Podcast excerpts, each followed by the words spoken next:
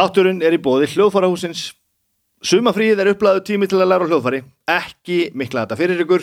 Undirstöðualtriði flestra hljóðfara eru mjög einföld og þú getur verið orðin slarkfæri eftir aðeins nokkra daga. Pantaðu þig gítar eða bassa eða hljómborð eða trommusett eða fiðlu, ukulele eða munnhörpu eða hvaða nú er. Kíkt inn á YouTube til dæmis til að fá grunninn og reynd og sjáðu svo til hvort þú næri ekki alveg lígilega langt á stuttum tíma. Vefverslun hljóðfarahúsins sendir þér pakkan á næsta póstús, sendingin kostar ekki neitt og þú færð 5% afslátt af kaupunum sjálfum með afslátt af kóðunum STVFF, það er STVFF fyrir Snæbjörn talar við fólk. Þetta er þátturinn Snæbjörn talar við fólk.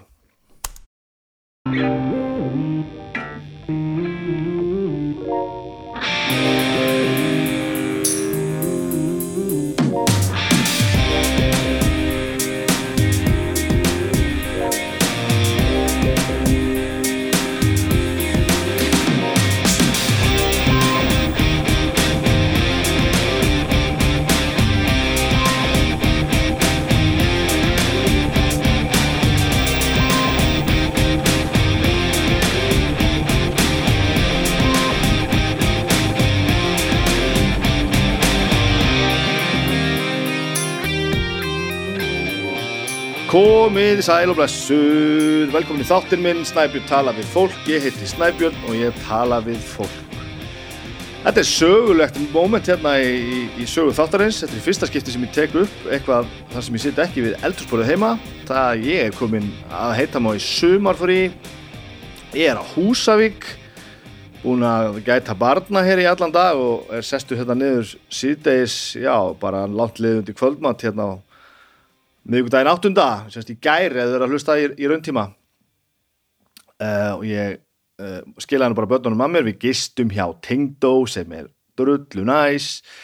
En það breytir því ekki að börnin er ennþá á, á, á ferli og ekkert svona afdrepp þar og ég var nú búin að senda út nokkura posta og sjá hvort ég get ekki tilt mér hérna með, með græðunar og tekið upp og Það var vel tekið í það ansi og það endaði þannig að ég er hérna ansi óvænt fyrir röð uh, tilvilinari hérna á, á hótelherbyrgi sem er pínu áhugavert og pínu gaman. uh, taskan góða sem við bræður settum saman að ég kannski aðalega fyrir, fyrir nokkrum, nokkrum mánuðum árum síðan ymmit með hjálp frá hljófarásinu, hún stendur sér vel. Nú er ég bara með allar sömu græðunar að ég nota í eldhúsinu mikrofónana og snúrurnar og hljóðkortið og, og, og allt saman, allt í einni mjög gerðalegri fluttösku og þetta hérna greip ég bara með mér og gríti í bílinn og, og kifti svo bara hérna bara hótelherbyggi og þetta er bara eins og að vera heima nema útsinnið er ekki alveg ja, dörullu gott. Þetta er svona, já ég ætlaði að vera komin í frí en svo náttúrulega kallar vinnan alltaf eitthvað, það er stuð í auglýsingastofulandi þannig að ég endaði nú með því að ég kerði til Reykjavíkur í fyrradag frá Húsavík og kerði svo frá uh, Reykjavík til Húsavíkur í gær eftir að hafa skilað öfur að þessi að sitja að þetta fund og græði og gera eitthvað. Þannig að þetta var svona, þetta er ekki alveg komast að ég er ekki alveg komin í frí en ég er svona sé nú fram á það þetta sé nú svona að fara að setjast. Gott Húsavík og svona bara en opin í kvöld og svona, þetta verður næs. Þetta verður næs. Síðasta helgi, græni hatturinn Ljótu eru græna hatturum, það var, um, það var frelsandi, skulum við segja. Eftir allt þetta ástand að loksins geta að spila á tónleikum, uh, sérstakir tónleika fyrir mjög margar hlutasakir, uh, spilum þannig fyrst á lögadag, uppselt bæði kvöldin og ógeðslega gaman.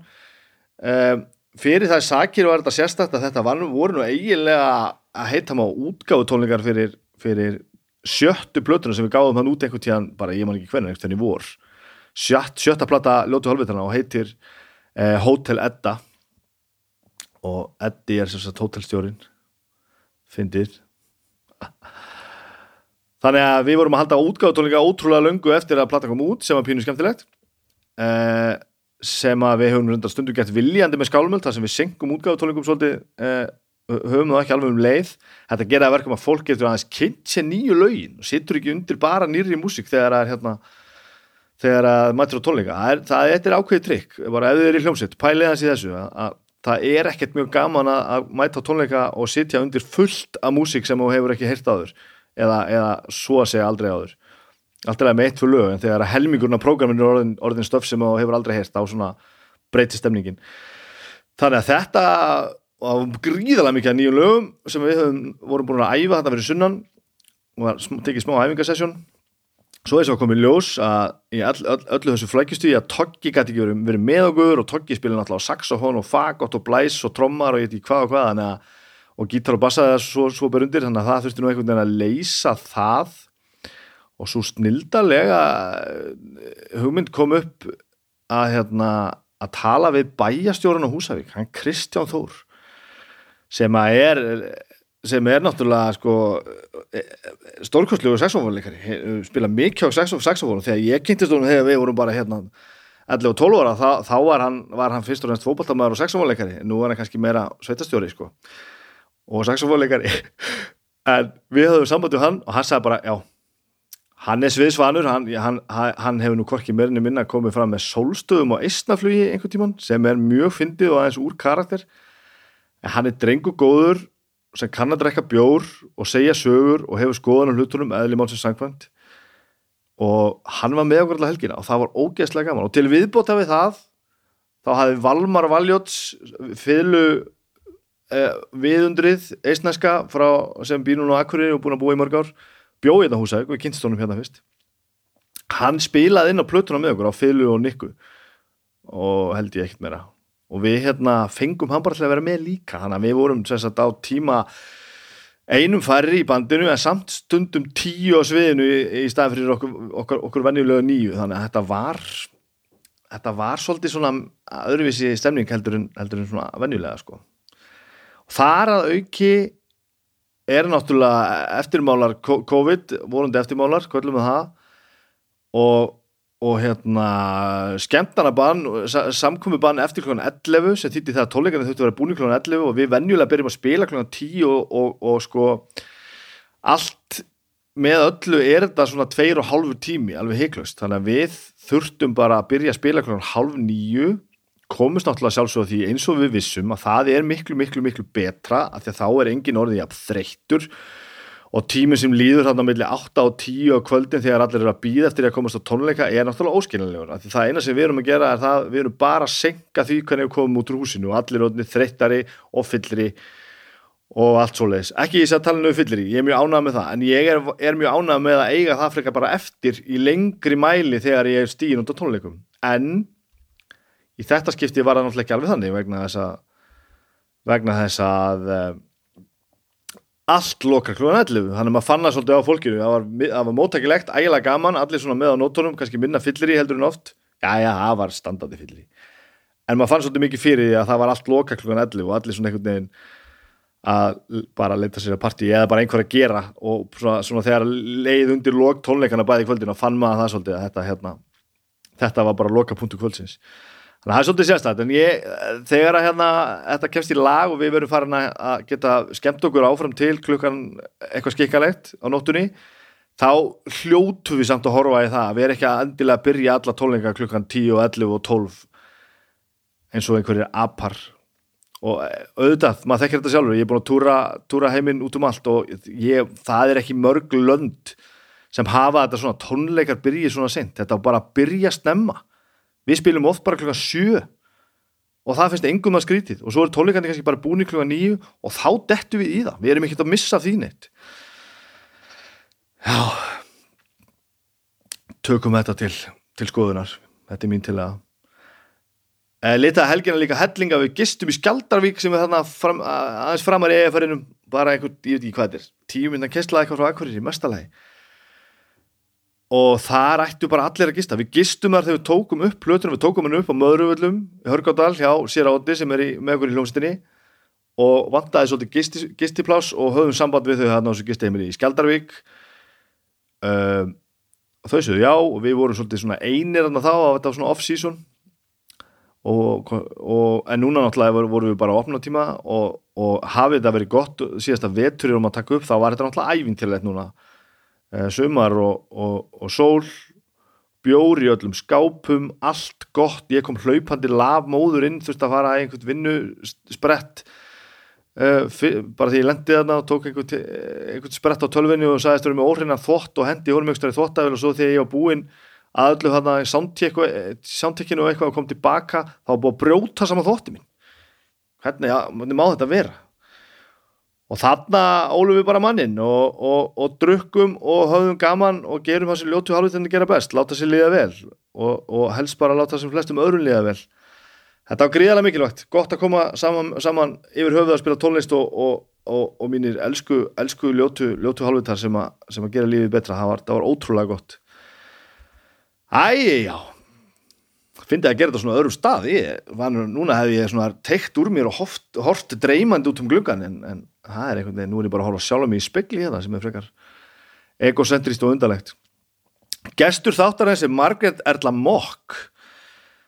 Ég þarf ekki að hafa mörg orð um það áður um fyrir minni það vittal, það er manneska sem að ég kynntist fyrst þegar hún hétt Mokki Littli, DJ Mokki Littli og DJ á Kova Tómasa Frenda Uh, ég manu ekki hvort hún vantalega ekki, vantalega hefur, hefur hún verið farin að slaka á DJ mennskunni á kofunum þá en ég, far, ég byrjaði formulega með konunum minni en Agnes ég að koma góða Tómas og Renda þannig að ég ætla nú bara ó, óbeint að skrifa á, á, á Margeti Bokk.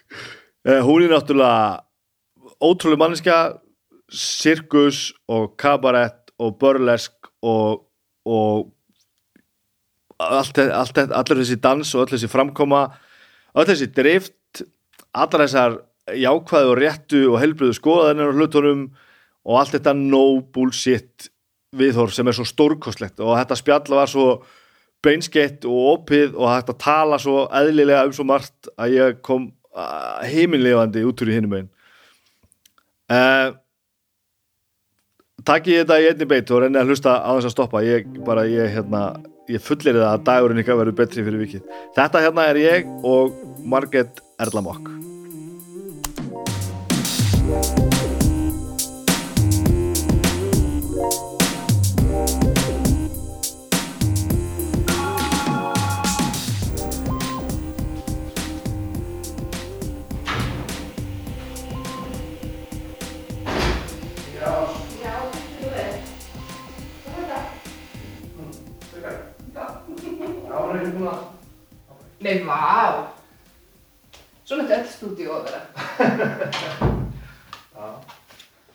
við erum bara án sko.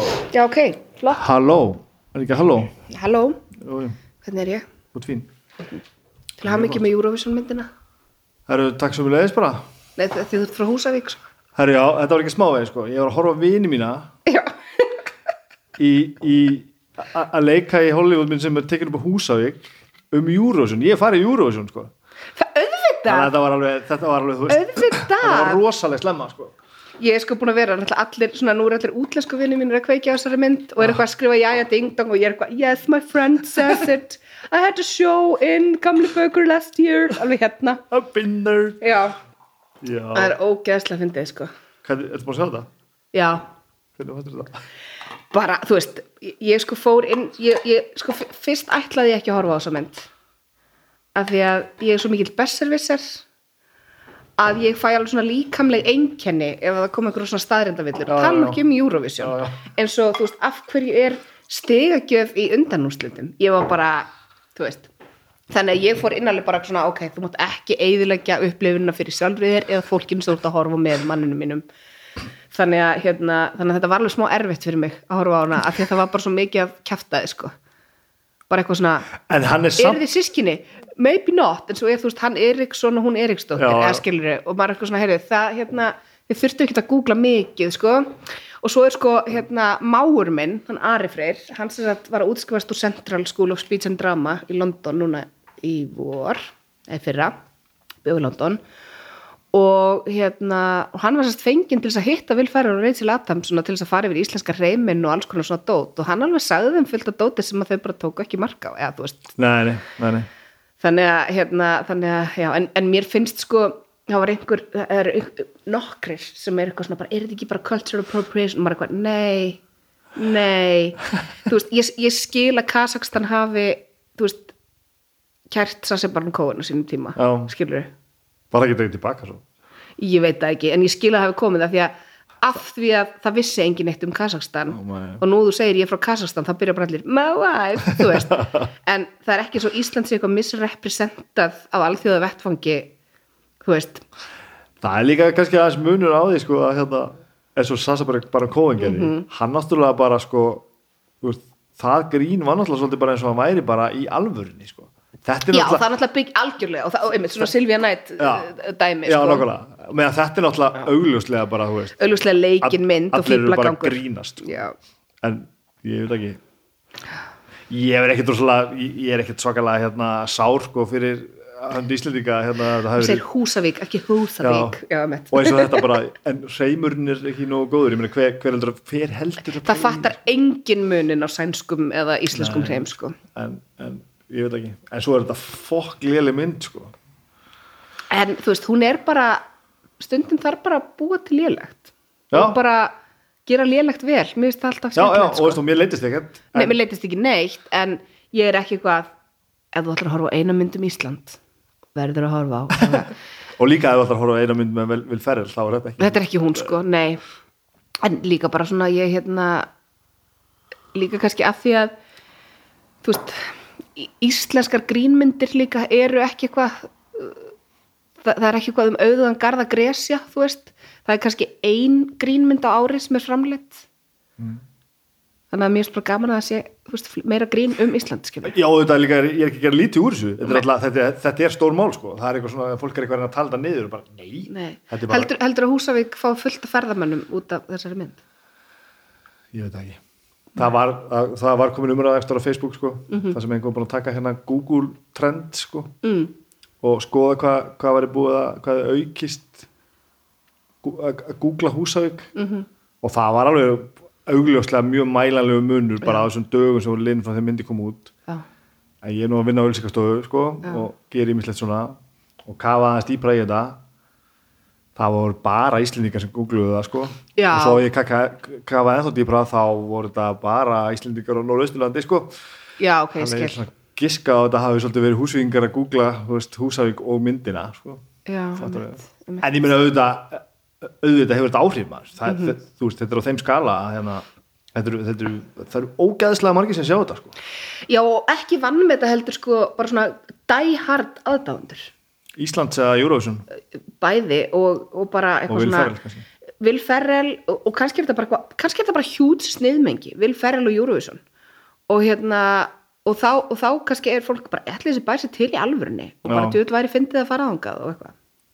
Það var einhvers sem sagði við mig sko og nú tala um þetta að, að sko að öll Eurovision elitan veit á þessar mynd sko. Já, allir sem að eru eitthvað Eurovision nöttarar, þeir vita þessu og þeim finnst þetta æðislegt. Það finnst þetta æðisli mynd og, Þeim er líka klappað mjög fallega í og, þessari mynd og það er alveg fólki sem ég sé alveg fyrir mér að mynda alveg að koma, koma til Íslands og koma til húsa það, það er fallegt sko. já og þeim er klappað og, ég, veist, og skemmtilega við það veist, að, að ég held að hann sé augljóslega ekki að ljúga þig þegar hann segist þér Eurovision fan Nei, það er of margt í myndinni sem að svona, já. Já. Já, þú veist alveg pínu hvað það vart að segja sko. mm -hmm, Mhm, mm -hmm. Erðu, tölum nú ekki bara um Eurovision Nei, Þó að að þessi geggja já, já, mjög gaman sko. hérna, mér langar bara fara bara alveg aftur bara Oh ég, ég vil vita allt. Þetta allt. Ég vil vita allt. Ég byrja á blæðingum, nei, tjók yes. það var fyrsta sem við gerum sem byrja bara Það var fyrsta sem ég gerði Nei, þú ert bara ég held þú hafði ekkert sagt mér og þú myndir, þú vildir helst ekkert fara út fyrir hérna miðbæinn. Uh, já, það er rétt en það er, það er, svona, það er bara einfaldlega vegna þess að hérna, það eru lógískar ástæða þar að baki. Um, ég minnst gaman að borða og minnst gaman að fá með vinglas þannig að það var mjög hentugt að búa í miðbænum til dæmis. Uh, mín nánasta fjölskylda býr í miðbænum og hefur alltaf gert.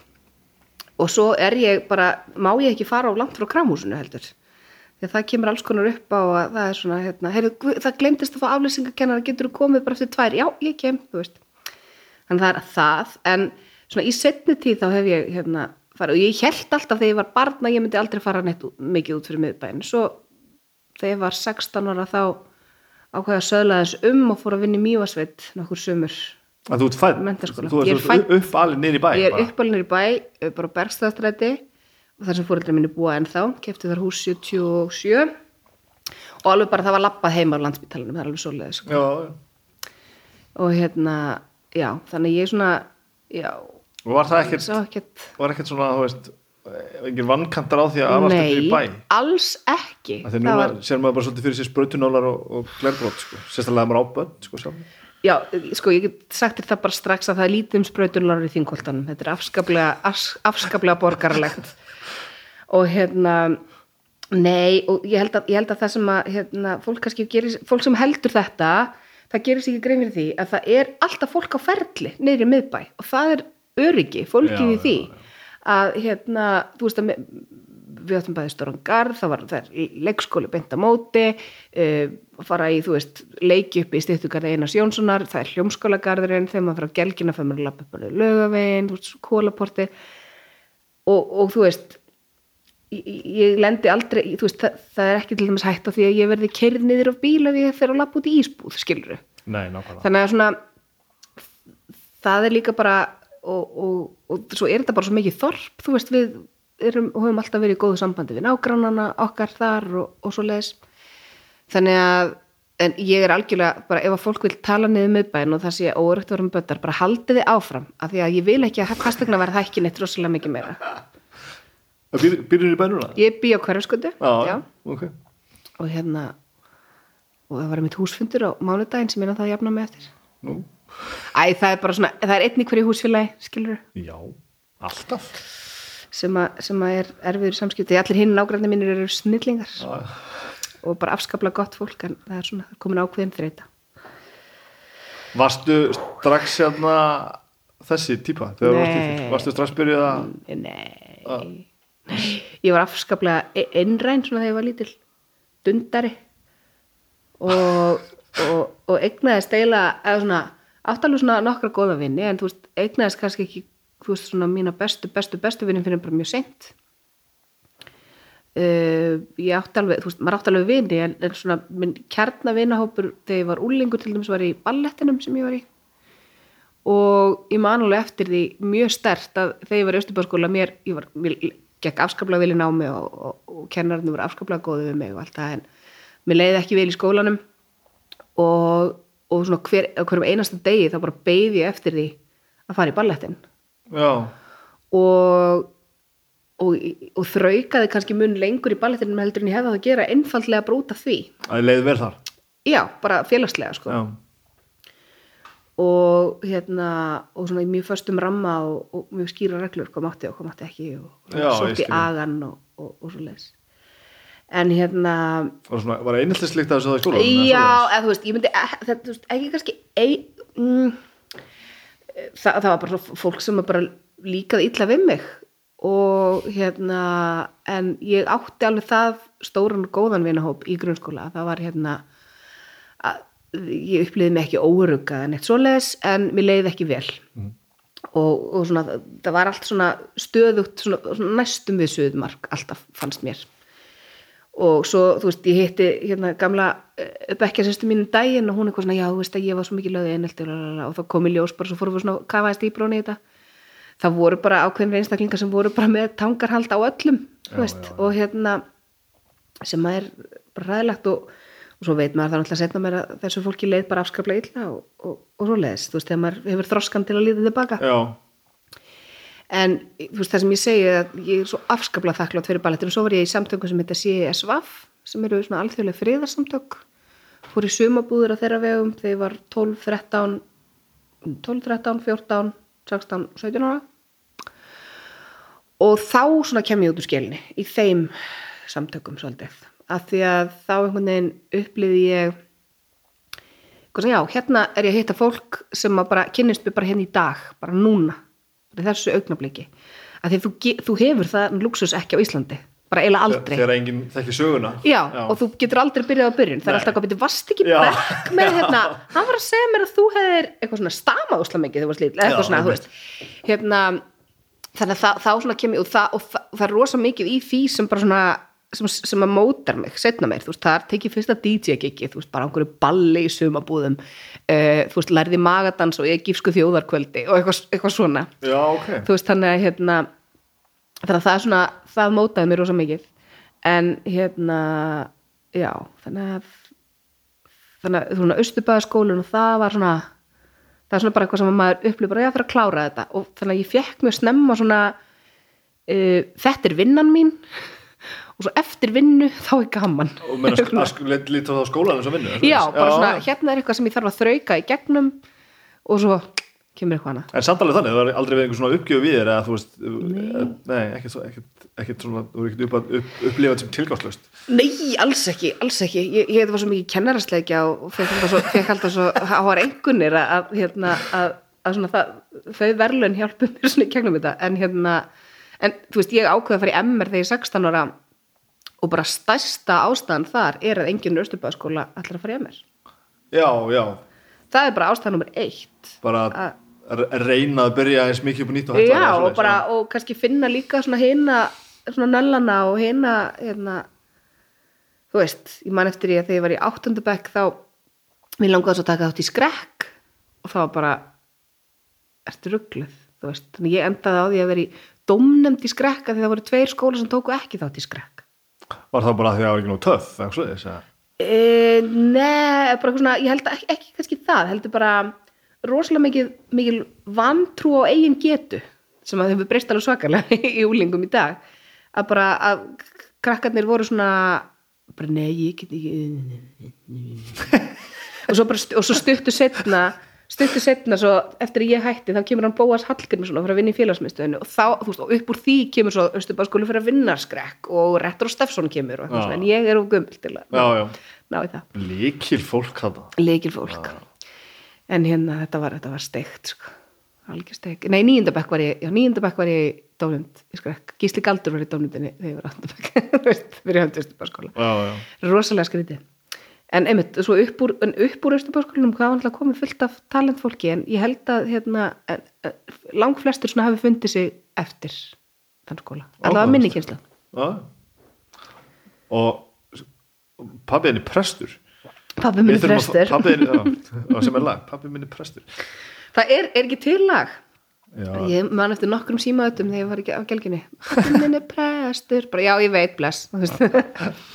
e, já, jú, pappi minn er prestur. Hann hérna, hann er, e, hann viðist til starfs meðal alkoholista og er einn af svona í upphafi S.A.A. var hann svona líkilmaður þar og vann svo mikið hjá félagsmálastofnun og svona í meðferðargeiranum og, og svo leiðis og svo bara svona upp á ferstuðu þá bara held ég hann fara bara í smá burnout og, og hérna og söglaði um og, og uh, náði sér í grunnskóla kennarréttindi og fór bara kenna í grunnskóla og hefur ekki starfað sem prestur. Já, hann er svona, hann er svona prestur eins og ég er magansmær, við tökum svona gig hann hefur presturréttindi, þú veist og hann giftir og skýrir og jarðar Er það þannig? Þú mátt það, þú mátt það, ef að þú ert til dæmis ef að þú e, þú, þú mátt fá hvert sem er til þess að gera, það er bara að fá leifi hjá þínum sóknarpresti, Já, já, já, já. þetta veit ekki margir Hvert sem er? Nei, hvað prest sem er Já, hvað prest sem er? Já, já, ok, takk. en hérna, en ég er ekki alin upp í, í sko, ég er alin upp í svona kristilegum kærleika og fara með fæður og svona, en, en trú var aldrei þröngvað upp á mig uh, og þú veist það, það er alveg svona, við getum rætt líka hvað það er sko mannskemmandi að fara í svona ógeðslega mörg brúðköp þegar þú lítið bann en þú veist en það var bara, ok, hvort það er lögadagur hvort viltu fara með pappa að gifta hvað fólk sem þú þekkir ekki neitt eða fara með mömmu í vinnuna sem var sérst í barnafattaverslun. Og ef við fórum með mömmu í vinnuna þá var ég bara í fullu starfi að máta einhver föt og finnst þér þetta flott? Og eitthvað svona, ég var bara nei, ég ætla frekar að fara bara einhvern sparikjól og eina sem ég þarf að gera er að neppu pempu, þú veist. Og hérna þannig ég er svona elst upp í því svolítið. En hérna ég er svona alveg upp líka bara svo trú er uh, svolítið engamál, trú er fólk getur nálgast hana algjörlega sínum forsöndum og trú getur verið afskaplega öflugt hjálpartæki. Uh, og hún getur sett hluti í samhengi sem að fólk er með að setja í samhengi. Sumir þurfa trú til þess að bara vera góðar manneskjur sem er ótrúlega magnað. En nú er ég myndi að vinna hjá siðment þannig að svona þannig að það er svona, við eigum góðar samræður ég og pappi minn núna þess dagana. En það er sérst alveg, al, al, hvað var að segja, alveg, alveg siðmentaðar samræður. Já, já, við erum sem betur fyrir einstaklingar og, og hérna og ég er alveg upp sem mjög svona, sjálfstæð tekjandi manneskja. Og nei, þú veist, ég e, þú veist, markmið er alltaf það sama að, að, að þú veist, Já, sjá það góða í manneskjunni og, og, og skilja við heiminn þú veist, en maður, Betri en að þegar var maður þegar hefur komin þetta einhvern veginn svona fyrir augunum, mm -hmm. því að maður, þú veist, mann eftir sér, hefur, he, stendur aldrei neitt í þetta, þessa átt eða eitthvað svo leiðis að, finnst, ma finnst maður ekki allt rétt sem að þú veist sem fóröld, nei, nei, nei nei, nei, nei, nei nei, svo að því að því, kannski hefði það verið að mamma mín hefði verið, þú veist, mikið trúarmanninska líka, en hún var það ekki, sko, þau eru mjög ólík já, mér, ok, mér ok, ok. Mjög fallið að svo. Um, en hérna, nei ég stend, eða sko, en þú veist, við pappi reyndar, segjum oft brandarna, sko við erum bæði í sam og bransanum, við erum bæði að kenna fólki að meta sköpunverkið, bara mismunandi hátt. Já, uh, og hérna, þú veist, þetta er entertainment og, og láta fólki líða betur, sko. Já, menn besti vinnu minn er nú prestu, starfandi prestur í þjókirkjunni sko. Og við segi, segjum það nú einmitt oft sko. við segjum sammála um allt í lífinu nema eitt. Já, það er svona sirka þetta, hvernig við komum frá okkur. Já, þannig að, þannig að já, á með að þannig gert þá skil ég þetta ágætlega sko. já. En hérna, en það er svona þú veist mér finnst, mér finnst trú yfirleitt afskaplega falleg þó ég sé kannski ósammála svona stofnununum sem að eiga sem er í kringum hana, já, já, það með eitthvað sens algjörlega, að gera það. Já. og svo byrjuði MR. Svo byrja ég MR og það er geggjað. Það er geggjað. Ég lendi í frábærum bekk stelpubekk. Það voru 17 stelpur og 3 strákar þannig að það var kepstum að bjóða okkur í, í fyrirparti fyrir öll börn. Og hérna og var í A-bekk alla mentarskóla gönguna sem er sagt máladild uh, franska.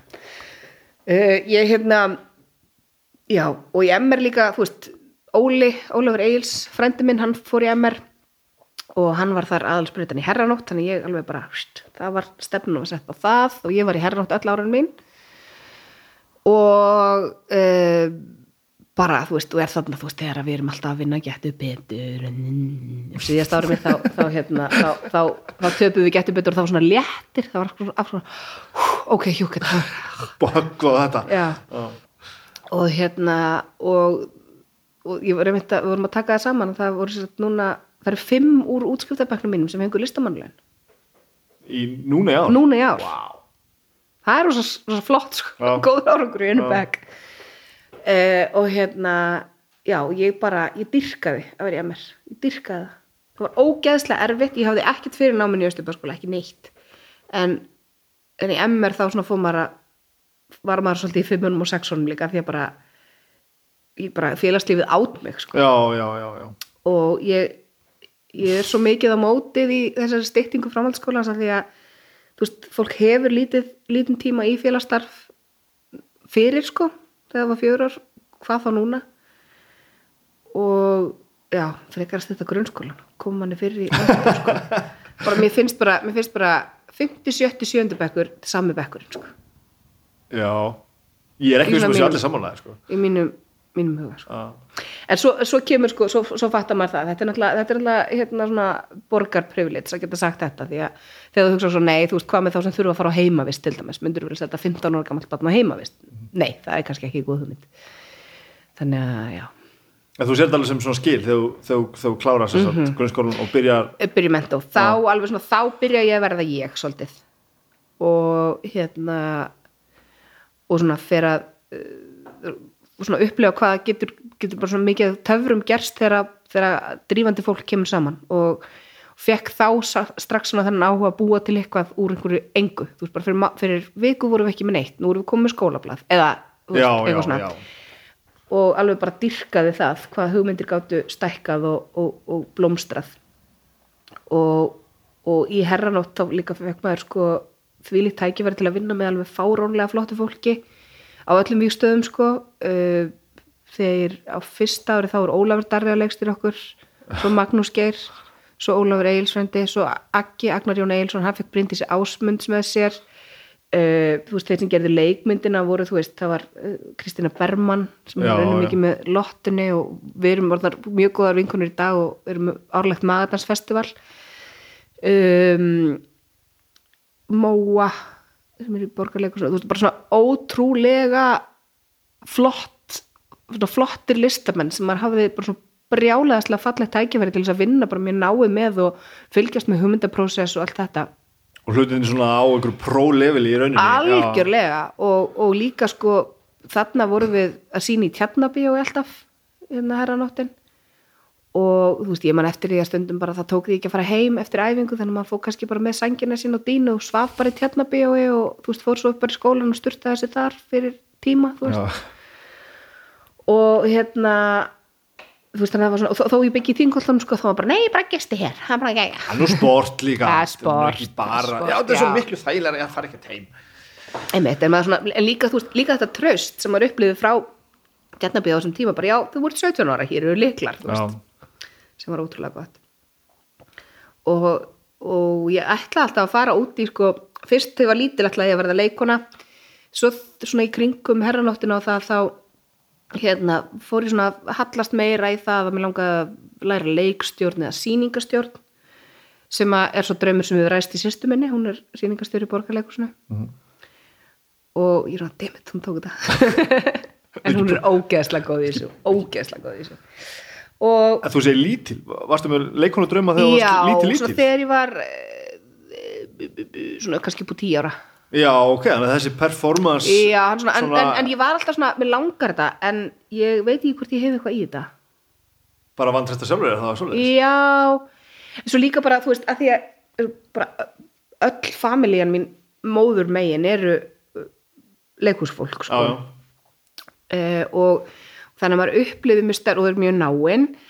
Og það var alveg mjög svona þú veist þessi til dæmis frandi mínur Óla Gulli eh, sem sinni Egil Óla og Tinnu Gunnlaugs Egil bróði mömmu. Þeir voru bara svolítið heima hjá okkur. Þeir eru eiginlega bara uppeldisbreðið mínir. Að því það var bara, það er verið að taka í bíómynd þannig að þeir eru hjá okkur núna í mánuð já, já, já. þannig að maður upplýði svona, ok, þannig að ef ég ætla að fara út í þetta, þarf ég svolítið að, veist, þetta er svolítið fjölskyldan eða, það var það á þeim tíma og líka svona þetta hark, þú veist, það er ógeðslega mikið að gera og þá sé ég ekki fólki mitt og svo er bara ekkert að gera og þá bara, þú veist, þá þarf ég að draga saman seglin, þetta, þú veist, allt þetta. Þannig að maður var með það svona, hérna, fyrir augunum að bara, þetta er ekki alltaf bara, ég útskjást svo bara fæ fylgta hlutverkum og þú veist, allt þetta. Og svo er svo þú veist, bróðir, hinn bróð með mig Hinrik sem að hefur, hann er leikari en svo er hann líka verið að gæta og alls konar svoleiðis og vinna fyrir allar þessar kvikmyndir sem location scout og allt svoleiðis. Og svona, þannig að maður upplýðis strax svona, já, þú veist, það þarf alveg hérna, og ég er alls ekki að tala um þetta, hérna, þú veist maður sá alveg að svona, já, ok því langaði ekki að taka þetta gig en þú varst að taka það. Já, eða skilur já, já. það er ekkert öll hlutverk drauma hlutverkin inn og, og, og stundum þarf bara að láta hlutina ganga upp og svo leiðis þannig að þannig að maður nálgæðist þennan draum svolítið af svona smá auðmygt sko, var kannski ekki alveg eitthvað svona ding, þú veist, með stjórnundar í augunum yfir því, en ég var alltaf rosa hilluð af því, þú veist, eins og þeirra svo yngri dóttir, Eils og Tinnu Ellen var mikið hjá okkur. Og þá var rosa mikið, þú veist, ég held ég að við séð til þeim skauragang, ég sá það sjösunum. En það var þannig ekki mjög leðileg síning það var ekki leiðileg sýning en þú veist bara með Ellen, Tinna var að leika og ég bara fór og satt með Ellen út í sal Já, og horfi og, og svona, þannig að hérna og með dýrin í hálsaskói og búkollu sýningur og svona, þú veist, ef að það var eitthvað verk sem að börn máttu sjá, þá sá ég það 5, 6, 7 sinnum þú veist, bara með fransískinu mínum. Og svona, eitthvað, já, svo bara ég, þegar síðan ég komið bara þarna að býðið í fundarherbygginu og þú veist, þannig að maður var alltaf eitthvað svona skottast á bakvið og eitthvað svona ótrúlega mikið sport og svo þegar maður byrjar í ballettinum að þá aftur, þú veist, þegar það eru sýningar þá var maður eitthvað, og fólk eitthvað, hvað er, ég bara, veistu ekki hvað klóðið er að bakvið, oh my god.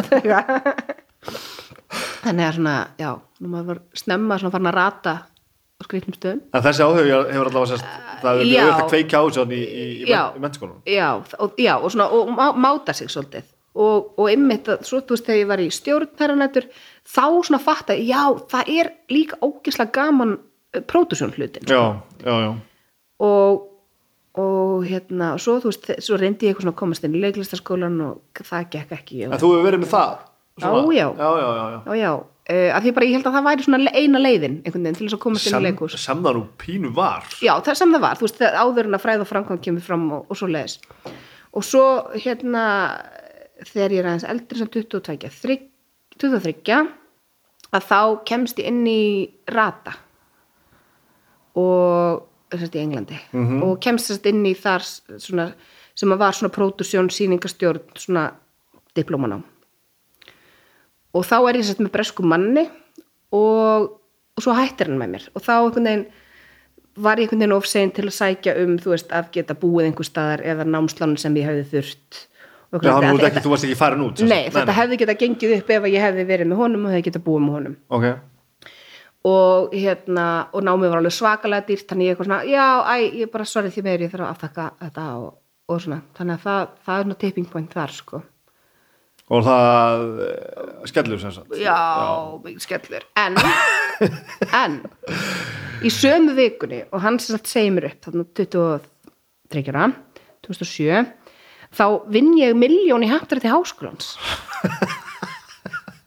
og ákveð, fyrst að þetta varð ekki, og ég er búin að afþakka skólan, skólan og allt það, miljónin slagaði ekki upp í, upp í skólagjöldin, sko, að það ákveð ég, ok, dollarinn var 59 krónur. Já, ok, ég ætla að fara í þrjá mánuði til New York. Og þykjabóð sem ég, ég farið á nokkur magadarsfestival í Stokkólmi á þessum tíma, var búin að fara okkur 2-3 og hafði sérst fengið bóð um eða þú tíma New York kondi tíma til mín frá alveg svona ógeðslega flottum kennara. Svona masterclass og eitthvað svona. Og ég, og ég bara, þetta er snilt, ég ætla að fara í þrjá mánuði taka ósla mikið tíma hjá Júsri. Það voru geðveikt. Og ég sendi, þá hafði ég sérst e, árið áður held ég nei, nokkur stuttu, stuttu áður hafði ég farið til New York og rampaði hann á karaoke bar og fannst svo gaman að ég flutti karaoke hóstana inn og vorum með gigg á gauknum bara svona brjála karaoke hérna frá New York með leikmunum og vindvilum og þarna strax er þetta pródúsunar gen já, já, já, kikkað inn já, já, og hérna og eitthvað, þannig ég hef samband við þau og ég bara, heyrðu, ég er að skoða þetta. Þekkið einhvern sem er með auka herbergi eða, þú veist, er eitthvað eitthvað, og þá var vinkuna þeirra akkurat bara svona, já, vinkuna okkar er að fara í Evrópuferðalag í þrjá mánuð og vantar okkur til að taka yfir herbergi þannig ég eitthvað, uh, snild. Og ég fer og leiði, þú veist, og ba- bara borgar leiguna bara up front fyrir þess að þrjá mánuði og hérna og er svo bara þar, eitthvað, maðurdansa og svona, fara í karaoke sinni í viku og eitthvað, og þar svona kynnist ég líka, gegnum karaoke kynnist ég alls konar stand-up grínistum. Og einn þeirra hann bara, hann bara býtti, þú ert maðurdansmar frá Íslandi, bara, akkur ertu ekki að gigga í það og ég eitthvað, ég er ekki með grannakort, hann eitthvað, nei, en af því þú ert með miða heim þá mátt alveg taka einhver mínigig. Og ég eitthvað, mátt. mátt. Einmitt, innan stórra gæsalega og við einhvern veginn svona mixum þetta þannig að hérna, ég fyrir bara að gigga. Á móti. Já, já, fyrir, og var það bara ekkert mál?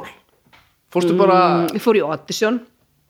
Ég áttur fyrir ógeðslega sjálfa sterkt. líka sko? Ha? Eh, bara, var það ekkert mál að taka ákvörðun um þetta bara, nei, nei, nei ég, ég hugsaði bara þarna. Ég er hérna til þess að læra eitthvað í maðurdansi og þú veist það að koma fram með eitthvað sem þú ert nýbúin að læra er, þú veist, það er eina leiðin fyrir mig til að festa það sko. já, ok. Þannig að hérna nei, og ég, og ég heitlaðist bara af þessum svona kabarett börlesk heimi í gegnum þetta.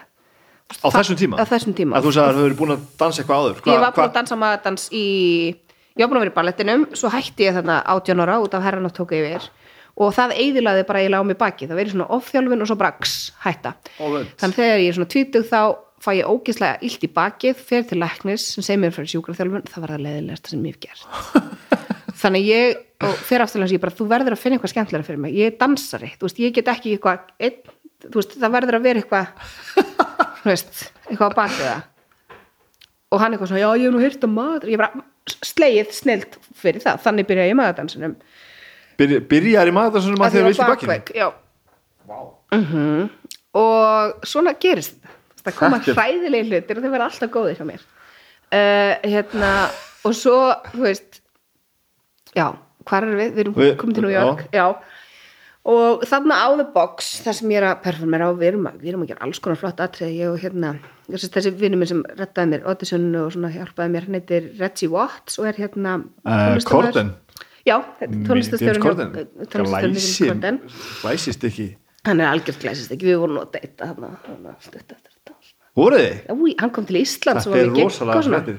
já, hann kom til Íslands og giggaði hérna og hann gerði svo gallsúra einhver svona míní leikna þætti sem er þessi á Amazon Prime. Já. held ég að sé það þar. Ég mæli líka með TED Talkin eru- það er fáránlegt. Já ég ekki sé það. Þessi þættir hans eru gull. Þeir eru svo skrýtnir sko. Hann er bara, hann er hann er, hann er klárasti maður sem ég hef kynst sko. já uh, en allavega, hann hérna hann sem sagt uh, og við vorum að gera sett atrið saman þar sem ég var að dansa og hann var að beatboxa undir og, og svo leiðis Mhm. og bara því miður er þetta rétt áður en allir eru með, þú veist, óksla góður myndavilar í já. at all times og hérna og, og hann hefur svona verið svolítið minn verndar engill sko, því að svo þegar, þegar að kemur að því að ég er að fara heim eftir þetta sumar, þá er ég bara hvað á ég að gera heima? Þú veist, bara, að því þarna er ég þá búin að, þú veist, það voru svona á bóksinu voru svona fjóra stelpur sem voru svona trúðar, skástrygg þú veist, pasties skástrygg sviðsmenn og einhvern tíma var einn þeirra lasin og ég þurfti að hoppa inn fyrir hana og stóð á pínubrókum og brjóstadúskum að blása mjölkusikri yfir hann kallaði þessi mini Marlon Manson dvergvaksin maður sem að hermdi þetta Marlon Manson var að syngja cocaine og ég var svona blá, ég var bara þetta, þetta er það sem ég vil gera núna. Og hann sem sagt þú veist og ég fór heim og ég var bara það er ekkert heima, það er engin sirkus það er engin, það er engin kabarettastæði það er ekkert svona, þú veist, ég segi eina sem að ég man eftir í einhvern svona börleskum related er bara eitthvað 70s, hérna Susan Badar sig skiluru já, já, einmitt. Og, og hérna og bara eitthvað svona, þú veist, þá var það bara 100% bara svona fyrir karlmanns augað aldrei, þú veist, Já. þessi húmor og, og, og þetta, hérna gróteska grín sem að ég fílaði mjög vel. Og hann eitthvað, Margrét, þú ert með það sem að við öll myndum óska að við hefðum. Þú getur farið einhvert og búið til senu. Bara þú getur farið og bara, hvað gerðist þú komst til New York? Þú fannst fólkið og fólkið fann þig. Og ef þú opnar fyrir það þá kemur það. Og ég bara, þú ert spiritual mess veist, hvað, hvað rugglar þetta og bara, ég, þú veist, það er enga trú á þessu og eitthvað, svo bara kem ég eftir heim og er, ég er sett, ég læra ennsku í háskólanum á þessum tíma og, og er að kenna í kramhúsinu samlega því. Og ég kem heim og er eitthvað, svo fer ég á fund þegar nýkomin heim í kramhúsinu svona um veturinn og eitthvað og það er bara hérna auglýsing upp á vegg. Bara ókipið sirkustímar á sunnudaskvöldum í kramhúsinu fyrir alla það sem hafa áhuga og ég bara, nei þetta er fáránlegt. Það er bara tvo daga á Íslandi. Og þarna er bara, þarna er fólk sem hefur áhuga á einhverju svona. Og þá var það hann Lee Nelson, ástralið sem að flutti hinga til lands út af ástinni.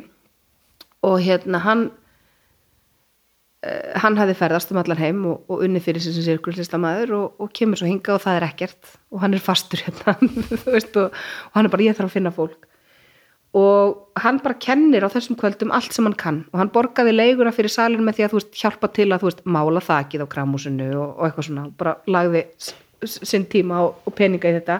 Og upp úr þessum tímum verður svo Sirkus Íslands til. Og ég man eftir því að eitt kvöld kemur og hann bara hvað, heyrðu, ég er búin að skrá okkur í símaskrána, Sirkus Íslands. Og við erum komið gigg.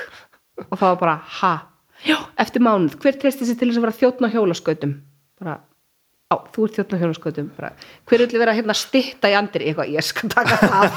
Bara, þú veist, og, þú veist, og þannig byggðist svona skilbeysið upp að við fengum gigg og það var óskað eftir ma- manneski á stultum og þá voru smíðaðar stultur og, og hérna og æft sig og, og svona.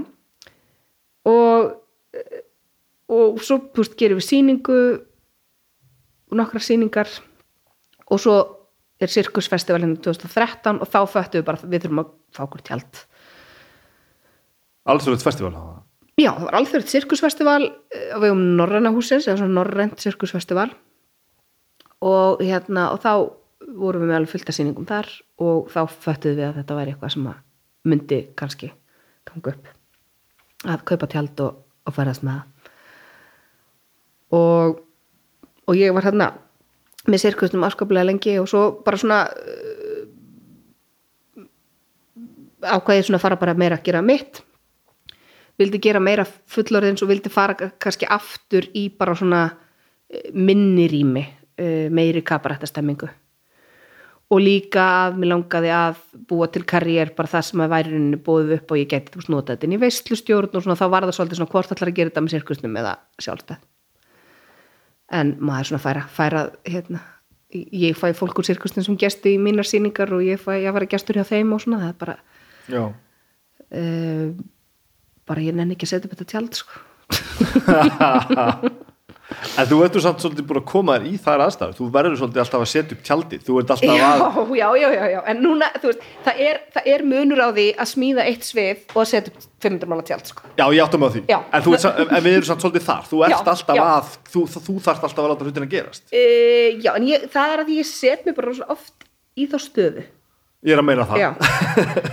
þú veist, það er ekki það að það lendi á mér, það er bara, ég fíla svo ógæslega vel þetta production element, sko, að hérna, þú veist, og bú- búið til þess að túra um landið með útlenskum grínvinnum og eitthvað, ég dyrka þetta, sko, dyrka þetta.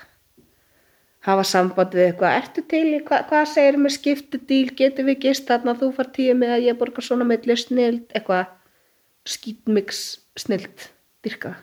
Alla daga endalust, nennur að gera þetta mm Mhm. -hmm. Hvenær var þetta komið að það stið að þú svona uh, þér fannst þú vera að fara vera að koma með eitthvað svona sem þú ka- kalla svona eitthvað svona karýr eða svona þú vissir og ætlaði bara að taka þetta allar leið og bara láta þetta það- ganga áfram Já, ég held að það hefði verið bara þegar að uh, að því ég er svona, einmitt, kem heim hana eftir eftir New York og flosna upp úr námi bara og fyrir að vinna hjá Rúf stutt eftir það sem skrifta. Byrjar þessi skrifta þér byrja sem skrifta. All, allir bestu dagskrifamennir byrja sem skrifta. Já. það er bara nákvæmlega þannig. Mm, byrja sem skrifta svo fyrir ég útvarpið svo fyrir ég í kastljósið átti nú bara að leysa raglindsterinni af í fæðingarlöfinni ég held ég sé kastljósinu eitthvað fjögur, fimm ár. Og svo kemur niðurskurðurinn. Og þá fer ég að vinna fyrir mig þá, og þá, akkur þegar niðurskurðurinn kemur það er eitthvað nóver og fyrsta sirkusumarið er svo það ár eftir. Þannig að þegar mér er sagt upp þá bara fer ég að vinna bara þú veist, hafdís í kramhúsun hringja bara þú getur unnið eins mikið í kramhúsun og vilt ég get búið til bara eins marga tíma og vilt. Og sirkusin líka segir þú veist, við viljum fá þig inn í hérna teimið og, og allt það. Það er að þannig læti ég að gangu svo eftir það uh, þá uh, þá fyrir ég að vinna á stöð 2 í einn vetur og þá fattaði ég bara nei, ég get ekki lengur þetta, hérna, working for the man dæmi, ég get það ekki alveg núna. Og, og einmitt var þá, þú veist, ballaus og allt þá, ég sagði bara, núna er tíminn til þess að prófa það án þess að það sé eitthvað hættulegt eða ég sé að setja einhvern annan í hættu en sjálf á mig. Og já, það er þá hvað? 2000 og- 2016 Já, já, Það er ekki þá, er ekkert sko. lengra síðan. Nei, en maður var alltaf með, með annan fótinn í þessum giggara heimi og svo leðis og svo náttúrulega má ekki gleyma því að þú veist, þetta er ekki þú veist, ég er alltaf með kramhúsakkirið Það- ég, er mér alltaf að frá kenna þar. er Kramhúsið er veit- bara eiginlega sér kramhúsið sko. Nei, kramhúsið er sko og það er svo dásanlegt að þráttur að kramhúsið hafa verið til í 35 ára þá er það samt svona eins og leiniklúpur sko. Já, Þetta er dans- og jókastúdíó og hún á þetta, hún Hafdís Árnadóttir og stopnar þetta fyrir 35 ára síðan. Og fólk held hún væri ruggluð. Það er enginn að fara að mæti tíma hjá einhverjum veist, og í alvöru það var sagt við hana hjá einhverjum mannætum sko. Því hún var, því hún var með afrótíma. Þetta þetta var attitútið sem hún fekk á þessum tíma. En hérna, en hún veist, var að flytja í kennara og með dansbun og alltaf og hún er alveg svona, hún er algjört sko, rosalega flotta sín á bara svona hvaða fólk virkar inn í húsinu og hvað ekki hvað var það kennslu og, svona alveg rosalega flottur mannþekkjari. Og og er bara búin að vera veist, með og hún er svo, veist, þetta er alltaf stutt og hún fylgir tíðrandanum svo fáránlega vel sko, það er bara það er ótrúlegt að fylgja hún er 81 og svona ennþá að kenna dansleik við mig sko, og það eru erfiðir tímar, ég farið í þessa tíma og ég var döið eftir þetta og hérna þannig að sko, veist, leiga basic matur allt svona alveg basic já, það kemur það ok. Þú veist, svo er allt hitt bara smjör og krem og ná það, Og þú ert með plan, sem sagt. Þannig að ég er með plan. Nei, nei, og svo bara, þú veist svo þegar maður fyrir að fatta, þú veist, bara eins og þekkir úr þessum heimi, bara það eru sveiflur í öllu. Akkurat. Og ég er það heppin að vera með mjög mikið af mismunandi þú veist, eftir ársatíðasveifluna þá kemur gæs, gæsapartísveiflan svo kemur brúðkupin svo koma haustfagnaðir, svo koma jólahlaðborð svo koma þorrablót, svo koma ársatíðir svo kom aftur gæsapartí og vantilega orðin, orðin býsta sjóuð í þetta og kant þetta býsta vel. Já, og það sem er líka svo gott við þetta er það að ég súrna aldrei í einhverju einu. Því um leið og ég er búin að fá ógeð á gæsapartím þá eru þau búin, já, já, þú veist og um leið og ég er búin að fá ógeð á jólahlaðborðum þá er desember búin, þannig að, og þá fyrir maður bara aftur að hlakka til þú veist, hvernig byrja aftur gæsapartí sísonið? Þú veist, í nú er ég búin alveg að súrna henni í ásatíðanum já, já. og en það er alveg svona, ég finn það líka núna eftir ég eignast bann að ég þarf að minka þetta að ég fattaði ekki hvað ég var að gefa mikla orku. Það var, ég ætla að Í segja þetta. við er, þetta ekki, þú ert alltaf að hi- hitta nýtt fólk? Mm Mhm. Kannski, jú, í svona aðstæðum sem þú stjórnar einhverju leiti og svona veist hvað þú átt að fara og, gera. sem betur fyrir aðstæðum þar sem fólk kemur inn í mjög góðu skap Já, ok, Já. rétt, reyndar. Já. en þú ert alltaf að bregðast við nýjum aðstæðum Mhm. og alltaf að svona einhvern veginn að- láta hlutina ganga upp þar sem Já, eru. og alltaf svona að, þú veist, og ef að það kemur eitthvað þá þarftu alltaf að snúa út úr því á gleðilegan hátt og taka stjórnin aftur, þú veist. Um, en já, ég fattaði ekki að það væri að taka svo miklu okkur að því ég gati eitthvað svona, já, sunnudagur tala við neitt Já, það er ekki hægt þegar þú átt lítið bann nei, það er rétt. Þannig að núna er ég bara veist, þarf að bara velja að hafna miklu meira heldur en ég gerði. Já, og það er alltaf svo leiðilegt að segja nei við vini sína, það er að versta sem ég geri. Bara, þú ert besta vinkunum mín. Ég get, nei, þú getur ekki bóka með mjög viku fyrir það er bara ekki hægt. Nei, nei.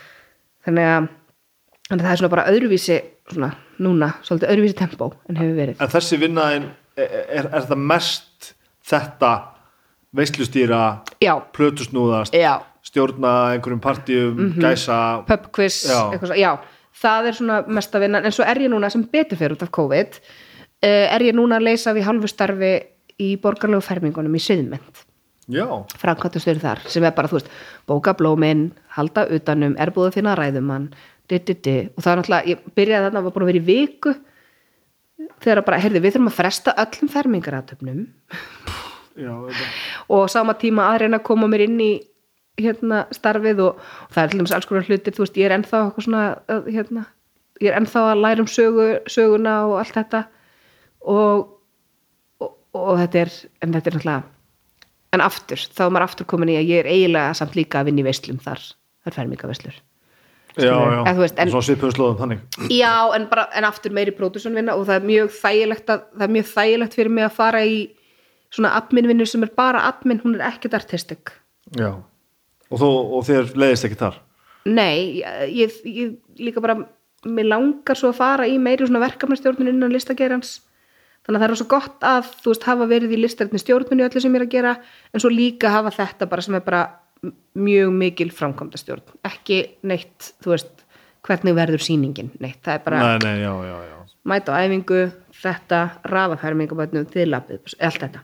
Þannig að hérna þetta er svona já, og svo, það er líka svo magnað að hérna, þú veist, núna eru það eru 600 börn sem fermast núna hjá Siðmyndi ár, Já, ég held að sé hvað, tíundi er vá. ógeðslega mikið sko, já. og verður alltaf vinsall og vinsalla og það er svo magnað að sko, veist, ég horfa á þetta og ég er með 600 krakka.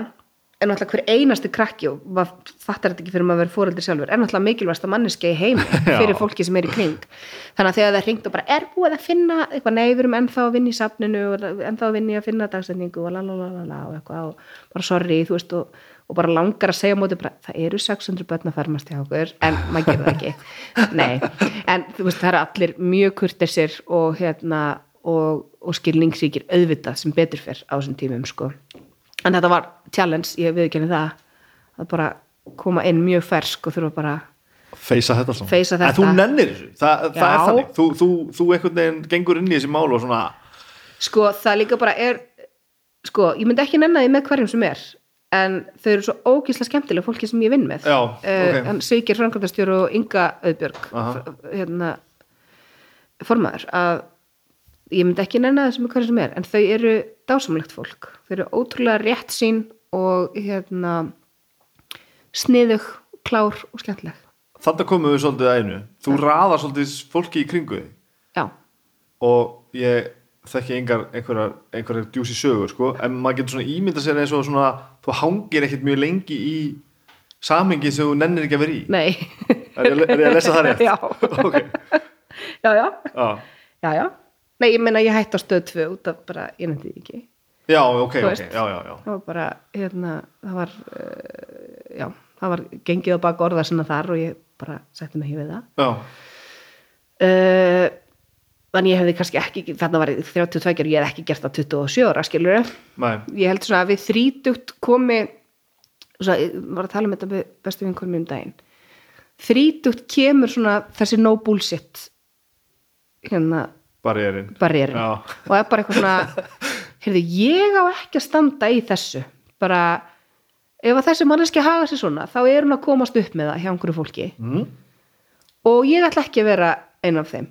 Eða veist, það er svolítið það já, bara bara alveg. Og þú veist, þú getur ekki þú getur ekki sett fólki mörg þú getur sett sjálfum þér mörg sem að þú ákveður ef það er farið yfir þetta þá er ég farin.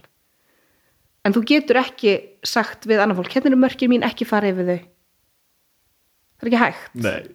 Veist, og, og, og, og, og, þú veist, og þegar maður fattar þetta að þá bara svona já, ok svo bara ákveður, ok, er það three strikes and out er það bara first strike and out já, hvað er það? Þannig að, þú veist, ég lendi til dæmis í því bara núna síðustu helgi, ég var að kenna handbóltaleiði að dansa Beyoncé. Og þeir koma hérna inn bara í sínum, sínum sinni orku. Og þeirra húmor var bara óslega mikið að girða niður um hvernig annan með að vorum að dansa. Já, já og það voru bara tippi og rassar og pungar. Og ég þurfti að stoppa og segja bara, herðu, hérna ég er hér að kenna skemmtilegan danstíma. Ég hef engan áhuga á því að sjá ykkur bera neðan. Hættið að gera það neður ykkur þannig þetta er húmor sem ég er ekki hluti af. Bara hættum þessu. Og það sem ég var svo fyndið að það, þá sagði þjálfarinn já, hættum, hættum þessu. Þú veist, honum dætti ekki huga að taka initiativ þú var og þetta gamli hérna. menn? Fullandi menn uh, þú veist hvað sér þið fyrir að séu gamlir? Ég er að vona séu svona, svona 14 ára Nei, þeir voru, yngstu voru svona 17-18 ára og elstu alveg svona 35 ára. nei, Já. En það voru svona þessi kannski tvítugu gemlingar sem voru í já, þessu sko. já, já, En þú veist að þarna aftur, þarna eru kannski ykkur fjóri fimm sem skemma fyrir mjög stórum hópi. já. En hérna, en ég er bara svo glöð að ég sagði eitthvað sko, að því að eh, mjög oft þá heldur fólk að sérstaklega þú veist það er verið að hafa áfengjum hönd og svona, það heldur að skemmtikraftar séu bara bundnir trúnaði. já, og hérna og, og ég er það algjörlega ef að það er bara eitthvað hverju fær í sleik og hverju fær í slagsmál. En ef það beinist gegn mér já, já. þá er það bara farið sko. Og ég er alveg með klausum það eins og heimasíðinu minni bara um áreitni og, og annað veist og bara veist, það, það er líka ofta að minna fólk á að þú veist ef þú ert á ársáttíð einhvers þá ertu þar fyrir hönd þess kompanís og það og þú veist þjónarnir mun alveg tala saman bara við skulum ekki hérna aftur þegar þessi ásættið er hjá þessu fyrirtæki, þá ætla ég ekki að vinna þar. Já, þú veist. Og, og, og ég held svona að núna loksins séu að fatta þetta svona síðustu árum bara að hérna, áfengi er engin afsökun. Og það, heldur við sem að fatta, heldur það? Finnur, finnur fyrir Sko. breyti, breytingu? ég finn fyrir breytingu vegna þess að fyrir nokkrum árum þá hérna fekk ég bókun um að veslustýra hjá fyrirtæki sem ég ætla ekki að nefna. Uh, og, og ég sagði já, ég hef áhuga á því þetta, það kostar þetta. Hér er klausa um áreitni og eitthvað af því ég hef heyrt að fólk kunni sér ekki hóf. Og bara lesið þetta yfir áður en á við. Og þá, þá sagði það fyrirtæki nei, heyrðu, við getum ekki gengið þessu. Og það var bara eitthvað svona, ég vil ekki að þessi káað á mér ég vil ekki sexist remarks, ég vil ekki dug, dug, dug, dug. og þá bara, heyrðu, þá getum við ekki fengið þig bara eins og það það þyrft að vera Já, opið fyrir að það væri mætti bara, eins og það væri bara eðlilegu hluti af því að þau vera að skemmta sér og þá væri fólk bara dónalegt við þjónustu fólk, skemmtikrafta dug, dug, dug, dug. en Vá. já, og svo, svo setna fekk ég annað fyrirtæki og það var svona samskonar ha- hafði maður heyrt að það væri svona skrítinstemming pungastemming og ég sendi þetta og það var bara bara að sjálfsögðu göngu við þessu þetta er bara mjög eðlilega kröfur sem þú gerir. Já, ok, ok. Uh, það, það er fáránlegt að maður þurfa að segja eitthvað hæ, já viltu ráða mér vinni hérna vinsamlega ekki ganga fram að mér. Mm. og bara vinsamlega komdu fram með með virðingu. Já, þú veist, að býst að fokta upp að þurfa að það taka er það fram fókt upp að þurfa að taka það fram sko. Svo líka, eh, finnst mann líka stundum eins og sko uh, að að virðingarlínan sé ekki á sama stað sko. já, já, já, það er svona eins og fólki finnist þetta að, að þau séu ekki að gera eitthvað rá Já, og þú ert sko Og þú það hræðir mig þú mest. ert, ómenns, þú ert ómennskaður sko þegar þú ert að vinna fyrir ykkur svolítið mm. sjáum bara eins og, hérna, eins og orðið starfsmannalega skilur það er Já, já, mjög já. ómennst skilur en hérna en eins og þú veist, einmitt, þú, þú kemur inn og þú ert það er einhver veist, kona sem er að hérna, sem er að servera hún setur eitthvað borðið og þú slærið rassin á henni. Þú myndir aldrei gera það við samstagsmann sem situr við hliðina þér. Nei. en þér finnst þetta í lagi og þér finnst þetta fyndið og jáfnvel finnst öllu borðinu þetta fyndið.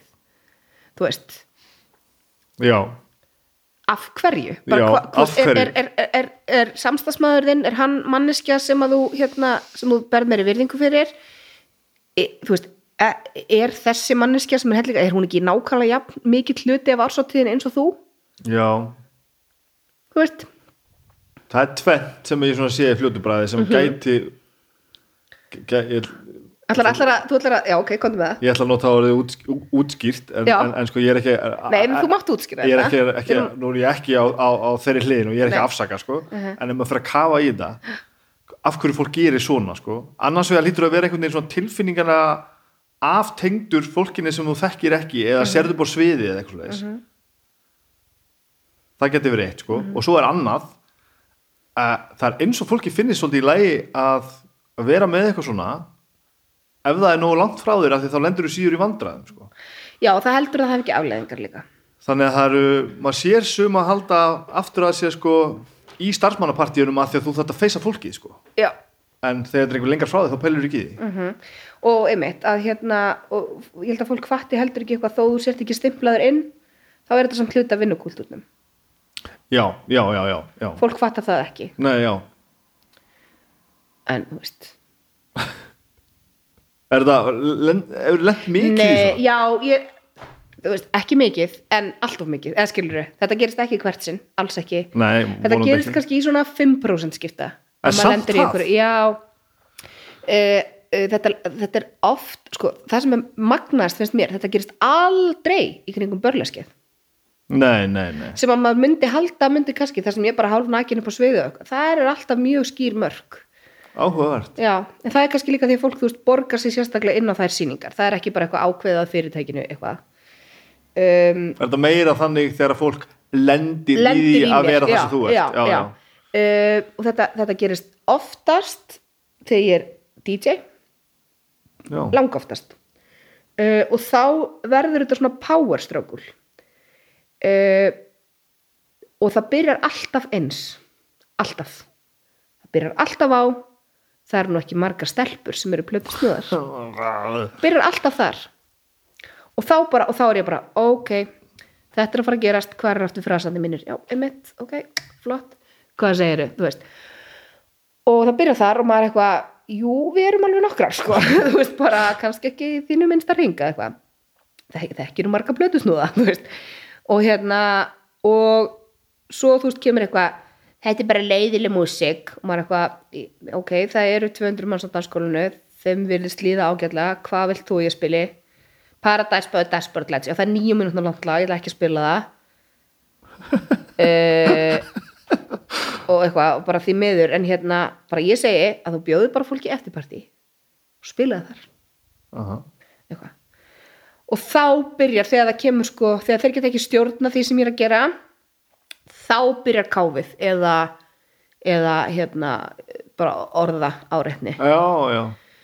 Og, og þú veist það sem, að, það sem sýnir, þetta sýnir svo ógeðslega skýrt er að þetta er alltaf gerist alltaf upp úr óryggi eða hérna, ég get ekki stjórnað ég er að missa tökin og þetta er yfirleitt eins og hérna pappa og mamma spurði þau bara er þetta ekki oftast þú ert eitthvað svona skemmt að byggðila virkjum eða eitthvað svona? Eitthvað, nei, alls ekki. Þetta gerist uh, í svona jakkafata bóðum þar sem að í svona í geirum sem að voru karladómineraðir en er að koma mjög flottar ungar sterkar konur inn.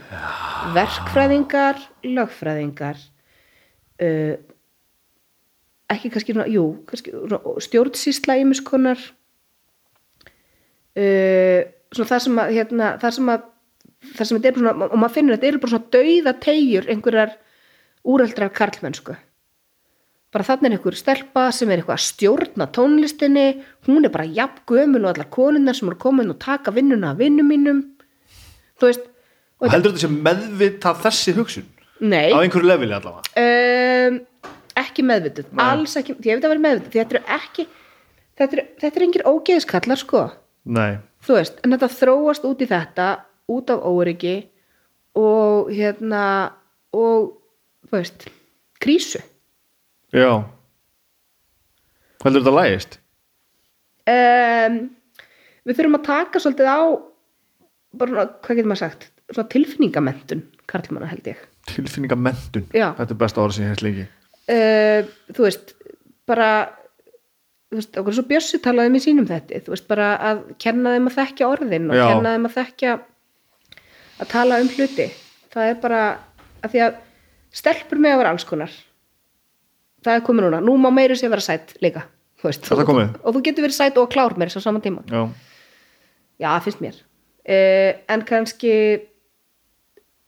á, á meðan að mér líður eins og við stelpunar höfum kannski við höfum verið svona val um hvaða, hvernig við viljum vera þá er svolítið pressa núna og ég vona að það breytist að strákanir finnst þeir þurfa að vera allt. Þeir þurfa að vera sterkir þeir þurfa að vera flottir, klárir, mjúkir kallmannlegir samt líka þurfa að kunna laga allt en samt líka, eitthvað svona í, í staðin fyrir að sé bara svona aðeins meiri hérna, mátt velja svolítið, mátt búa þér til þinn karakter svolítið. Já, þannig að ég svona en ég- mér langar svo að þetta lægist og ég held að svona að veist, með hverri kynslu sé þetta verða betra vona ég ég, ég held að við séum að horfa á, á, á betri tvítjókrakki dagaldur en þegar ég var tvítjók já sko. algjörlega og, og einmitt fermingabönnin líka sem ég umgengst Já, mikið, já. absolutt Já. sko, absolutt ég einn- held ég sem er stór munur núna er það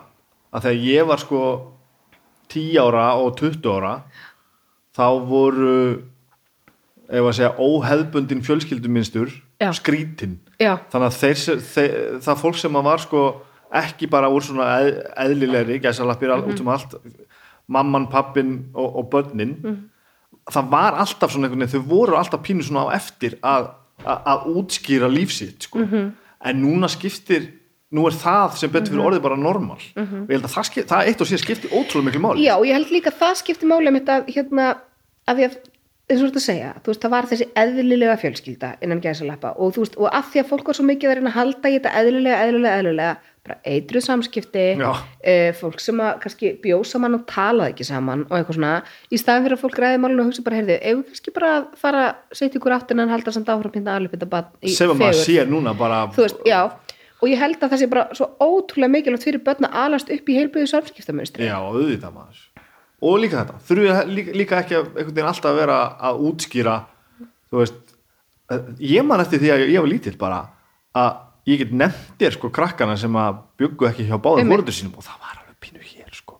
Já, einmitt, og, og kannski á innsóginu líka já, bara þegar, og bara já. þú veist af hverju það hefði gerst og allt þetta. Meðan að sko þetta fólk sem var að kvabandi um þetta var fólki sem einmitt var heima á sér frosið heima á kottanum að reyna að sopna af því að það hataði allt í kringum sér sko. þetta er ótrúlega fókt á. Þannig að já, menn, menn líður eins og, eins og þú veist eins og samskipta munstri sé að helb, aðeins helbjörða hvað þetta var að núna sko. það er eitt sem við með langar að tala um. Já, uh, það er hérna að þú gerir svo margt. Þetta er, þetta er, tví- þetta er tvískipt spurning. Mm. ferðu inn í verkefnin sem sama típan og sjálfið þeir skilur já, þegar þú ferð inn að DJ ertu sama og þegar þú ert, í börleskinu eða það allt saman? Já, sér, það- sér sko- þetta sem sama aktið á ég Já, og, já, já, og, og já. li, liður tvö í þessu er þá bara líka bara hvaða ökt er þetta hvað er þetta sem þetta gerir þetta er svo margt og Ég- ég, hérna, ég, sé, ah. ég sé bara sirkus og dans og magadans og börlesk og allt þetta og ég fæ bara svona e- erum við alltaf í sama búningnum sko? ég, nei, nei, nei. Sko þetta eru ég, ég fer inn með svona sama attitútið, bara nú, nú fyrir ég vinnuna og nú þarf ég að fara og ég og það var eitthvað sem mælti með því að hann eitthvað svona hérna, þú veist, að eiga einhver föt sem eru bara vinnuföt.